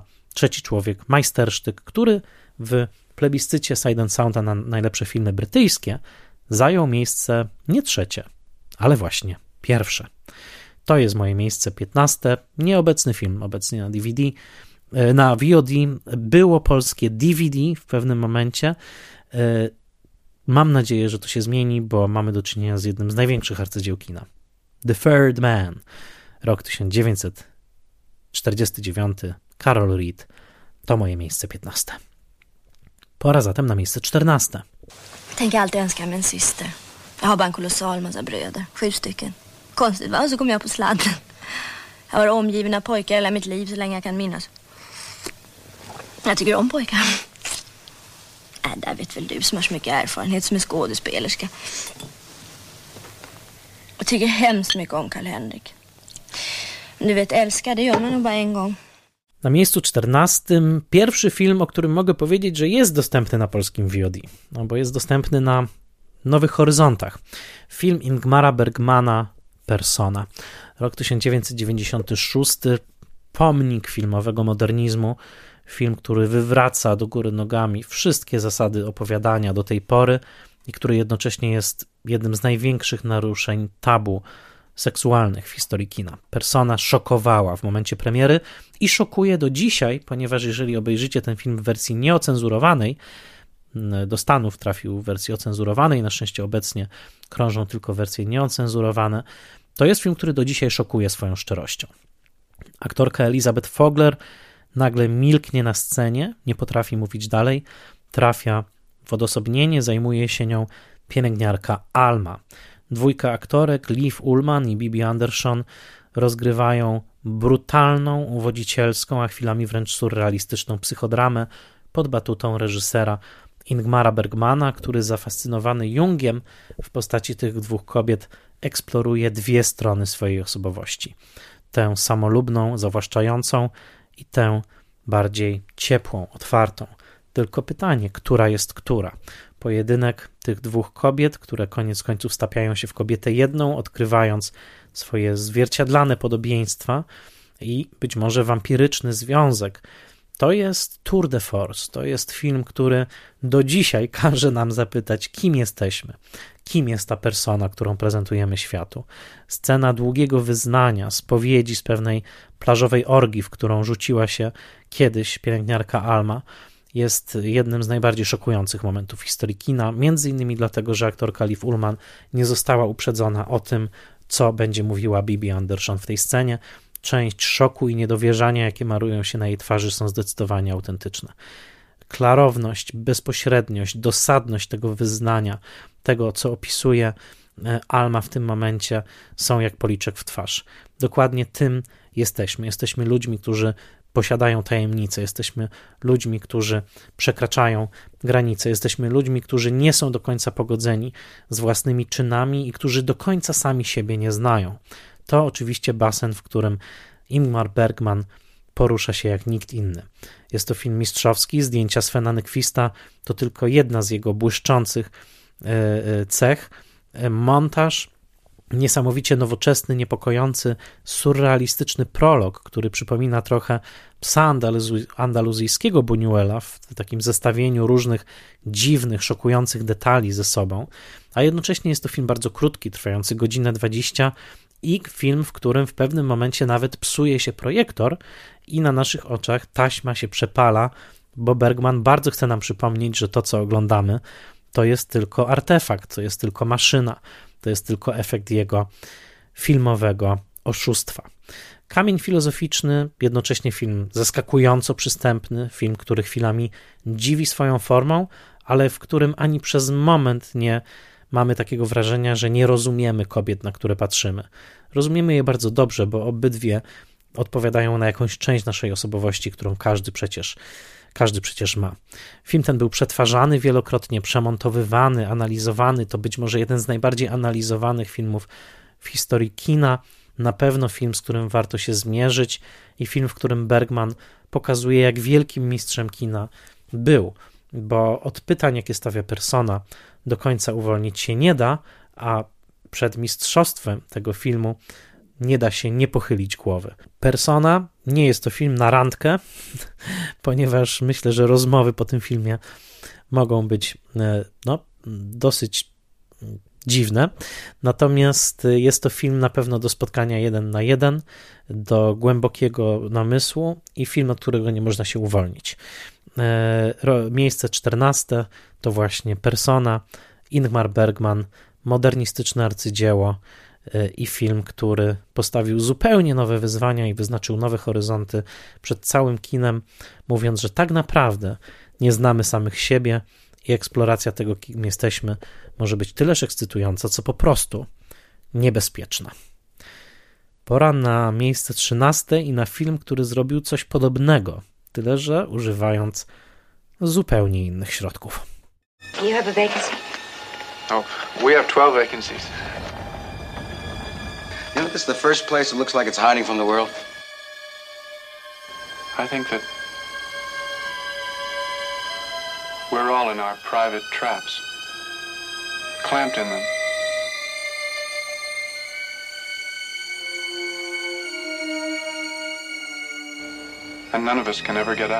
Na miejscu trzynastym psychoza. Psycho, rok 1960. Alfred Hitchcock przedstawia. Film dostępny w Polsce na platformach Chili i Apple, oparty na powieści Roberta Blocha i oparty także na przypadku prawdziwego seryjnego mordercy Eda Geina. Niedawno nawet jego historia została przerobiona na komiks przełożony w Polsce. Słyszeliście, co zrobił Eddie Gain, Harolda Schechtera i Erika Powella. Historia Ediego Gaina do dzisiaj fascynuje i odrzuca. To jeden z najbardziej drastycznych przykładów seryjnego mordercy, który przerabiał elementy ludzkich ciał na sprzęty domowe. Mroczna historia, idealna na odcinek serialu True Crime czy jakiegoś serialu o seryjnych mordercach na Netflixie. Dzisiaj przyjmujemy to niemal jako oczywistość, że takie historie są opowiadane, są opowiadane między innymi w telewizji późno, późno po 23. Ale w roku 1960, kiedy Alfred Hitchcock, jeden z najbardziej utytułowanych reżyserów świata, sięgnął po taki temat, wytwórnia Paramount była zniesmaczona i zaszokowana. Nie chcieli realizować tego filmu, wydawało się to szczytem hitchcockowskiej perwersji, żeby sięgać po historię tak groszową, tak sensacyjną, zahaczającą o elementy tak odrażające jak kanibalistyczny, rytualny morderca seryjny, psychopata ze stanu Wisconsin, że po prostu nie mieściło się to w głowie. Jak taki film mógłby w ogóle powstać? Paramount powiedział, że nie da na niego pieniędzy. E, dobili targu, Hitchcock sam sfinansował tę produkcję, Paramount był dystrybutorem i no cóż, była to żyła złota, ponieważ był to jeden z najlepiej zarabiających filmów w historii i jedna z najlepszych kampanii reklamowych w historii, Hitchcock powiedział, że nikt nie wejdzie do kina po rozpoczęciu się seansu, co było szokujące w Stanach, bo w Stanach kino było użytkowym miejscem. Ludzie wchodzili o dowolnej porze, wychodzili o dowolnej. Nie było takiego bardzo, bardzo sztywnego podziału na to, kiedy seans się zaczyna, kiedy kończy. Często seanse były wielokrotne, tak zwane double bills. Natomiast tutaj nagle Hitchcock powiedział nie. Ten film tak bardzo polega na zaskoczeniu, niespodziance, że nie tylko nie, wpuszczy, nie wpuścimy was po rozpoczęciu seansu, ale także zaklinamy was, żebyście nie zdradzali zakończenia e, swoim przyjaciołom. Tutaj Hitchcock troszkę ukradł pomysł Henriemu George'owi Clouseau, który zrobił podobną rzecz w filmie Widmo i można spojrzeć na psychozę jako na próbę Hitchcocka, który chce przebić Clouzota. Hitchcock był zdecydowanie zirytowany tym, że Clouseau wszedł na jego teren takim filmem jak Widmo, no ale psychoza nie pozostawiła żadnej wątpliwości. Był to film absolutnie szokujący w momencie premiery, z wielu powodów. Wybór tematyczny, nagość, seks pozamałżeński. Przede wszystkim jednak fakt, że Marion Crane, grana przez Janet Lee, ginie w 45 minucie filmu i już nigdy się w tym filmie nie pojawia. To jest przewrót kopernikański w historii kina. Nikt nie zrobił tego wcześniej. E, był niepisany pakt między widzem i reżyserem, że główny bohater przeżywa może zginąć pod koniec filmu, może zdarzyć mu się coś najgorszego pod sam koniec, ale nie w połowie seansu. Wchodząc do kina, wchodzimy do przestrzeni bezpiecznej, w której wiemy, że bohater pociągnie mniej więcej tyle, co czas seansu. Tej umowy się nie łamie. Hitchcock tę umowę nie tylko złamał, ale złamał ją w jednej z najbardziej szokujących scen w historii kina, to znaczy w scenie morderstwa pod prysznicem. Psychoza była filmem niedrogim, ale na tą scenę Hitchcock przeznaczył prawie 7 dni zdjęciowych, bo wiedział, że będzie najważniejsza. Scena składająca się z ponad 70 krótkich, jak uderzenia nożem, cięcia nożem ujęć, przypomina jednocześnie czołówkę filmu, w której linie zaprojektowane przez Saula Bassa szatkują ekran na naszych oczach. Ten film był atakiem na naszą wrażliwość, ten film był atakiem na oko był atakiem na wszystko, co do tej pory gwarantowało widzowi w kinie bezpieczeństwo.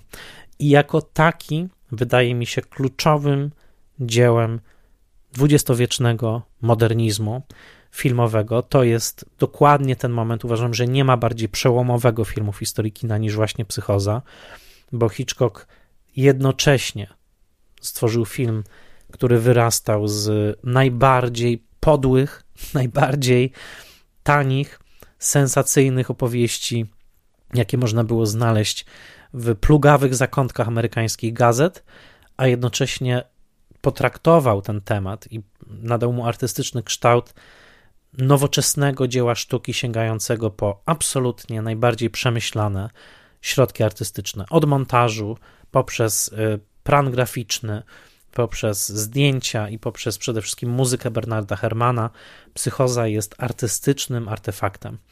Filmem, który jest dla nas wyzwaniem i filmem, który każe nam przemyśleć swój cały stosunek do tego medium. W co my tak naprawdę wierzymy, co tak naprawdę czujemy i w kogo inwestujemy nasze uczucia. Ponieważ w drugiej połowie filmu, troszkę z, z braku laku, z faktu, że nie ma już Marion na ekranie, zaczynamy troszkę kibicować Normanowi Batesowi, czyli mordercy z tego filmu, grane, e, granemu przez Antonego Perkinsa. I wtedy dopiero w naszej głowie dzieją się dziwne rzeczy. Kiedy jesteśmy z tym bohaterem właściwie cały czas i nagle mieszkamy razem z nim w tym dziwnym domu na wzgórzu. Ten film jednocześnie znaczy kluczowy moment w zainteresowaniu psychoanalizą, w nowym rozumieniu seksualności, bo jest zrobiony u progu lat 60. i po raz pierwszy dotyka pewnych kwestii, które później będą rozwijane przez całe te lata 60. Innymi słowy, psychoza jest prawdziwym końcem lat 50., prawdziwym końcem powojennej prosperity, wyciąga dywan spod nóg spokojnej i bezpiecznej publiczności, dokładnie w momencie, kiedy zaczyna się kruszyć pewność o tym, że powojenna Pax Americana jest najlepszym możliwym porządkiem. Całe lata 60. będą wstrząsały tym przekonaniem, ale pierwszy wyczuł pismo nosem Hitchcock i zafundował w filmie Psychoza największy szok w historii kina.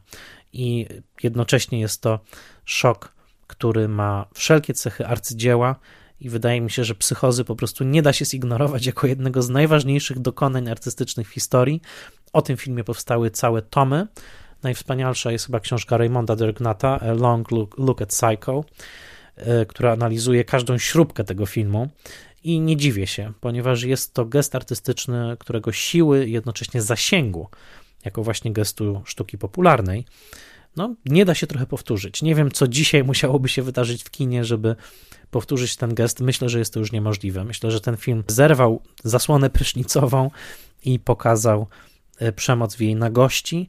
E, wszystko później, cała późniejsza ekranowa prze, przemoc jest tylko przypisem do psychozy, a i tak zawsze będziemy wracać do tej sceny pod prysznicem i pytać, co tutaj tak naprawdę się wydarzyło, kto na kogo patrzy, kto komu zadaje ciosy i czym jest nasza fascynacja zbrodnią, która pozwala Hitchcockowi na tak daleko idącą estetyzację momentu tak szokującego, jak morderstwo niewinnej kobiety pod prysznicem przez psychopatę gdzieś w e, ponurym motelu e, w Stanach Zjednoczonych. E, film samych paradoksów, film wielkich napięć, film wirtuozerski, przerażający i niestety trochę śmieszny, trochę zabawny. Film zrobiony z czarnym poczuciem humoru Hitchcocka. Tak jak mówię, przewrót kopernikański w historii kina, film, który sprawił, że nie możemy być już niczego pewni, to właśnie Psychoza, Psycho, rok 1960. Pora teraz na zmianę nastroju, pora na miejsce dwunaste.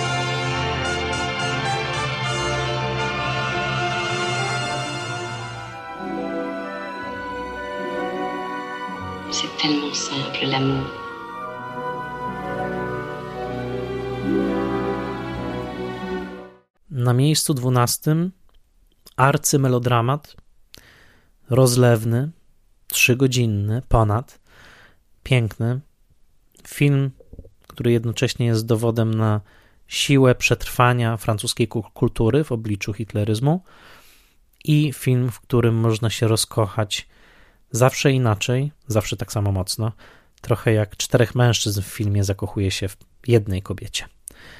Komedianci, Les Enfants du Paradis, film, który miał swoją premierę 9 marca roku 1945, ale powstawał od roku 1943, to ujęty w dwie części, dwie serie, melodramat o czterech miłościach. Po środku stoi Garance. Garance to nazwa kwiatu, po polsku to marzana.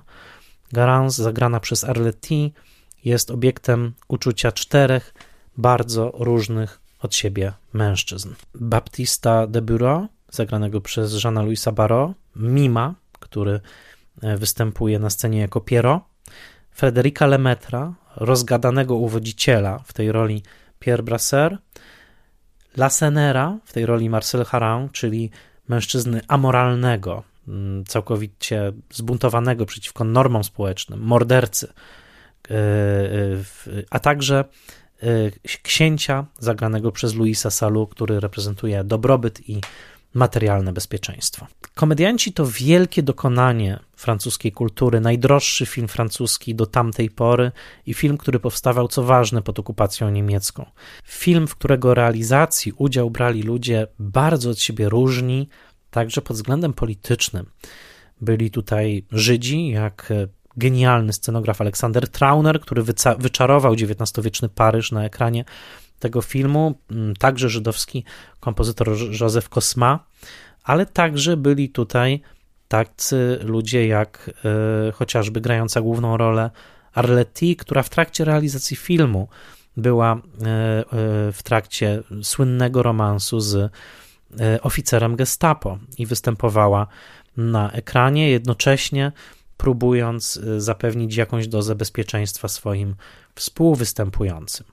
Był to film, który wygląda y, nawet dzisiaj na bardzo wystawny, a który powstawał w warunkach tak wielkiej biedy, że wszystko trzeba było załatwiać na czarnym rynku, a członkowie ekipy rzucali się na elementy niedojedzonego kurczaka, który zostawał po scenie, w której bohater raczył się kurzą nóżką. Na ekranie mamy kontrasty biedy i bogactwa Paryża roku 1820, czy mniej więcej tego roku, a jednocześnie mamy świadomość, że wszystko to było kręcone w trakcie wojny, w trakcie wielkiej niepewności.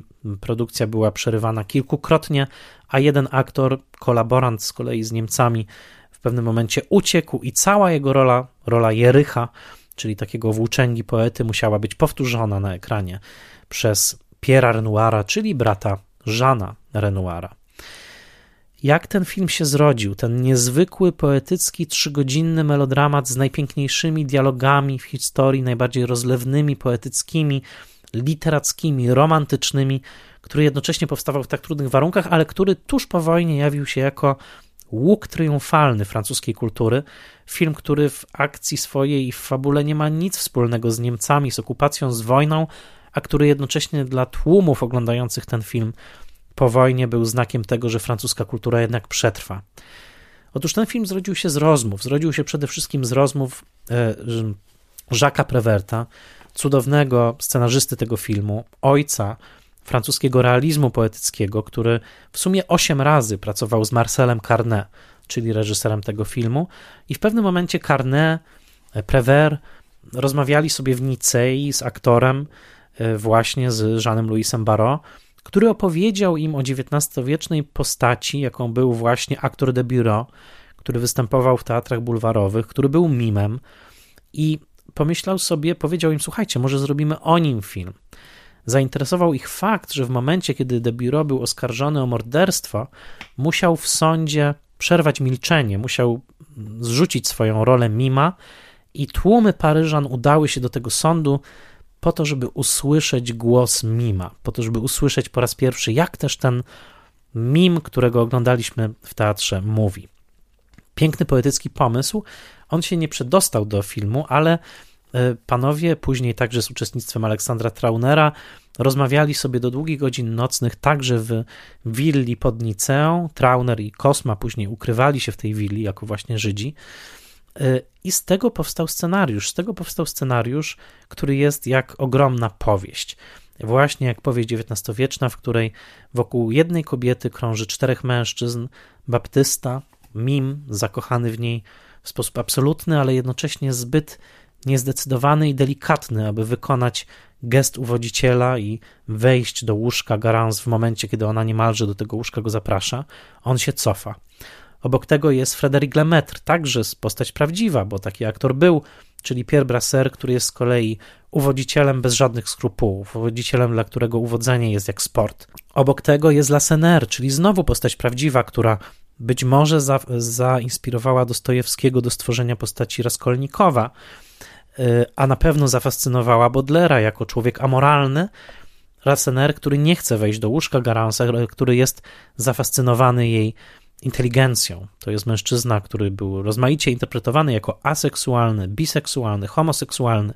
Przede wszystkim jednak nie jest on zainteresowany Garance erotycznie, jest nią zainteresowany jako ewentualną podwładną. A obok tego oczywiście moc pieniądza i klasy społecznej, czyli hrabia, zagrany przez Louisa Salut, który koniec końców wygrywa Garance, ale wygrywa tylko jej ciało, ponieważ jej serce zawsze będzie biło dla baptysty, który w odpowiednim momencie nie zdecydował się na zrealizowanie miłosnego aktu.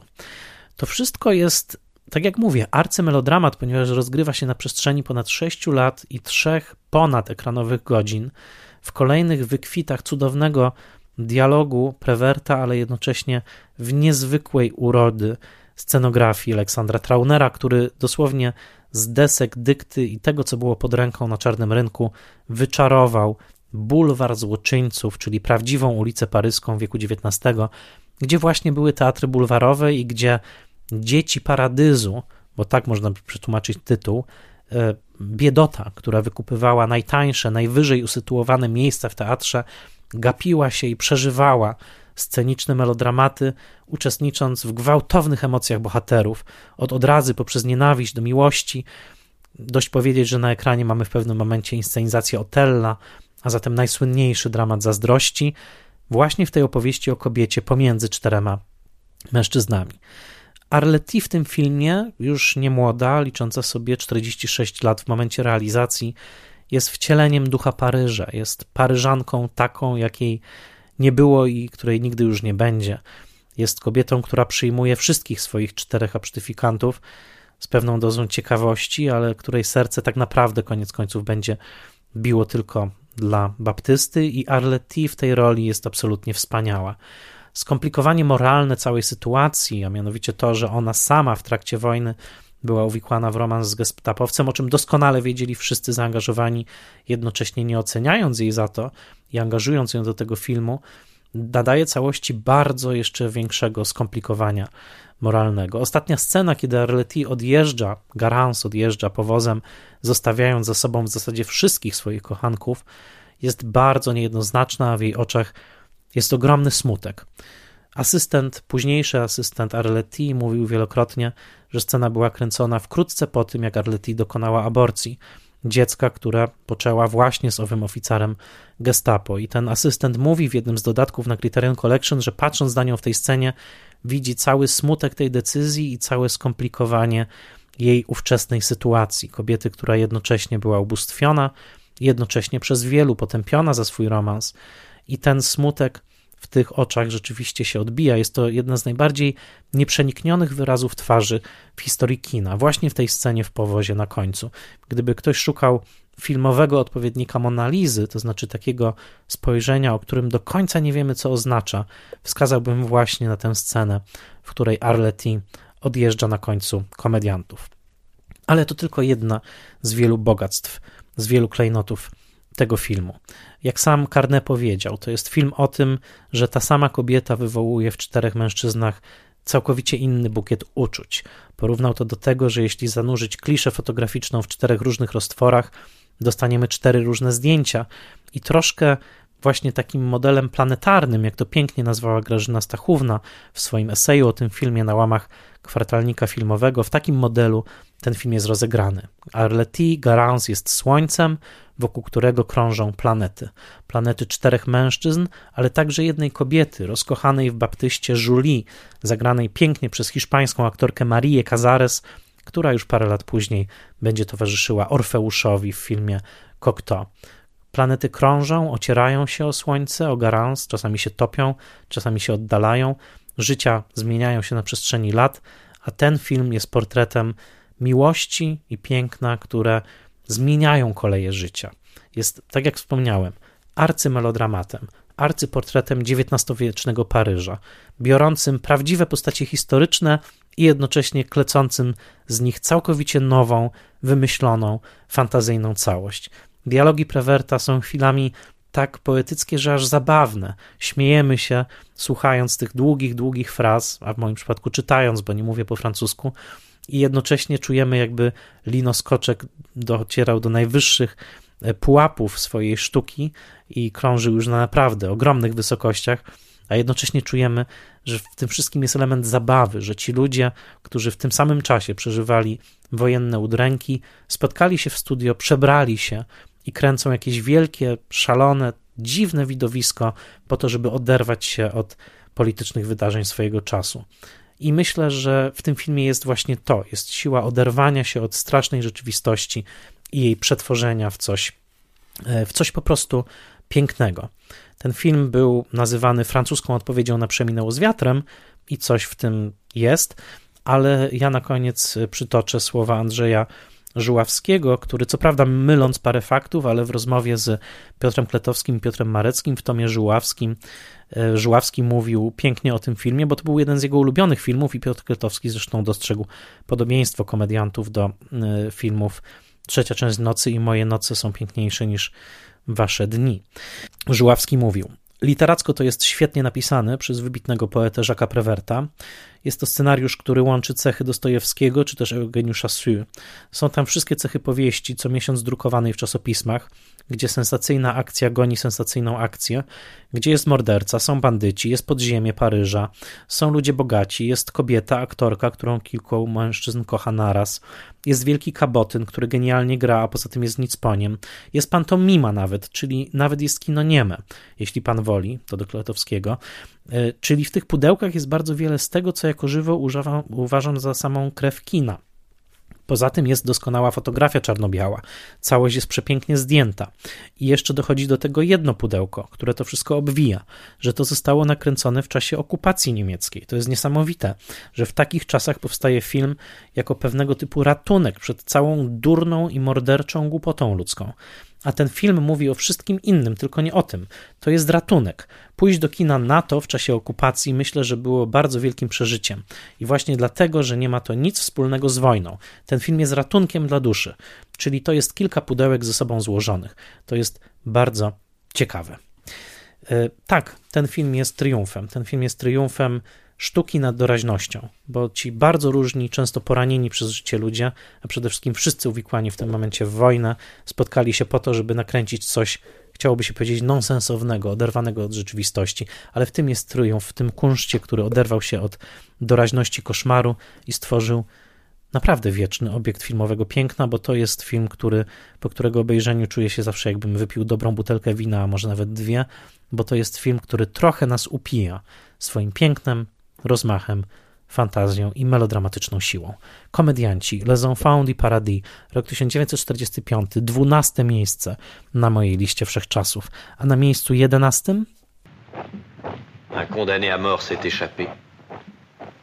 Et pourtant ceux qui entraient à Montluc devaient quitter toute espérance.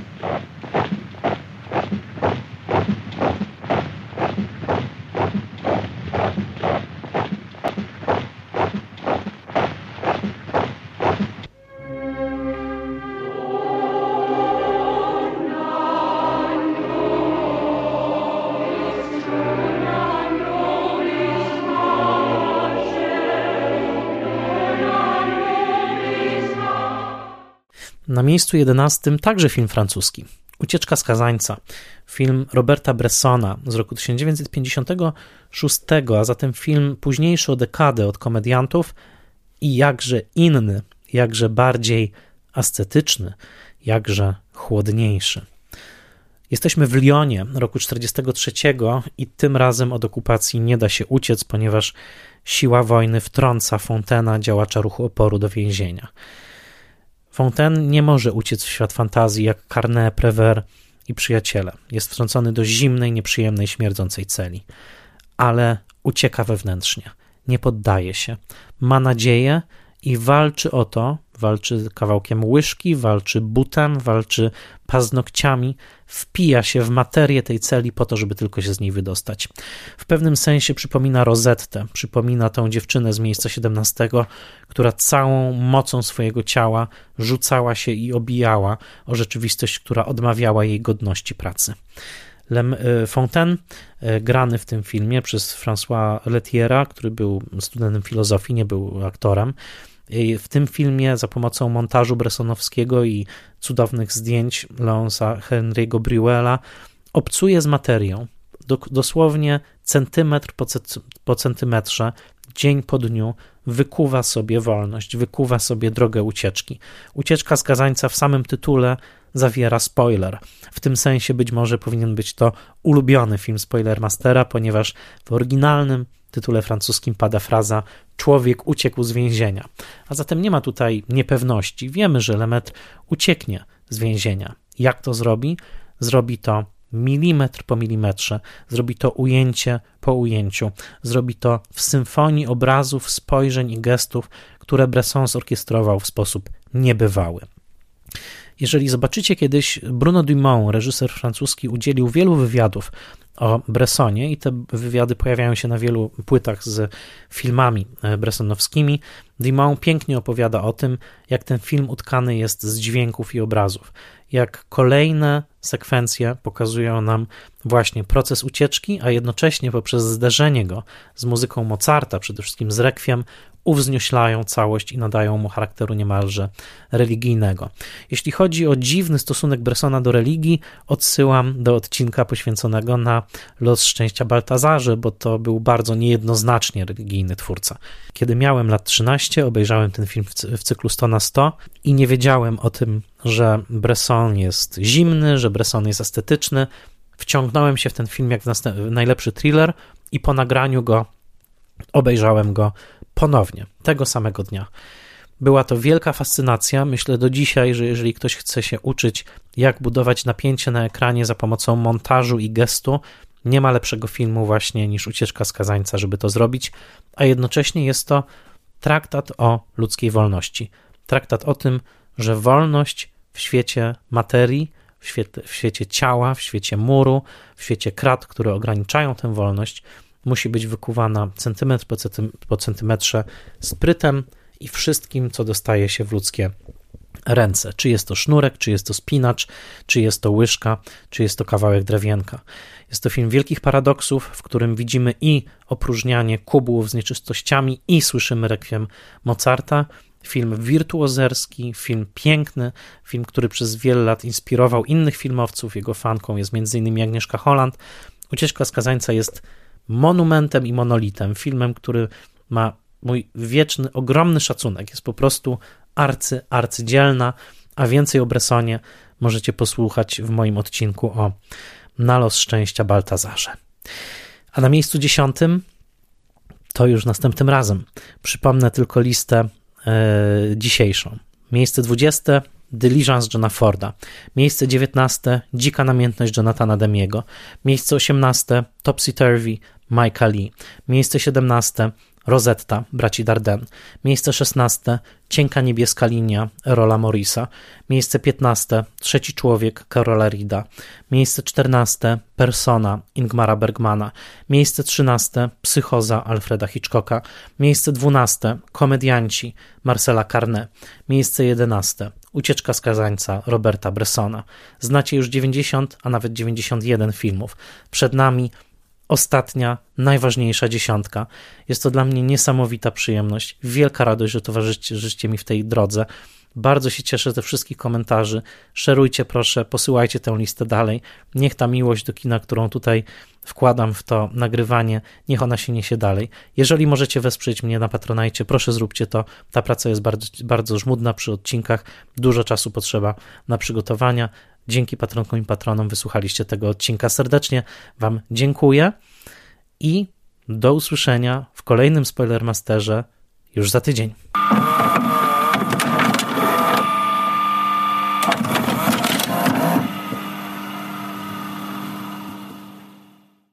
Informacja, odcinek Spoilermastera, którego właśnie wysłuchaliście, zawiera fragmenty ścieżek dźwiękowych filmów na podstawie prawnej, jaką jest prawo dozwolonego użytku oraz prawo cytatu.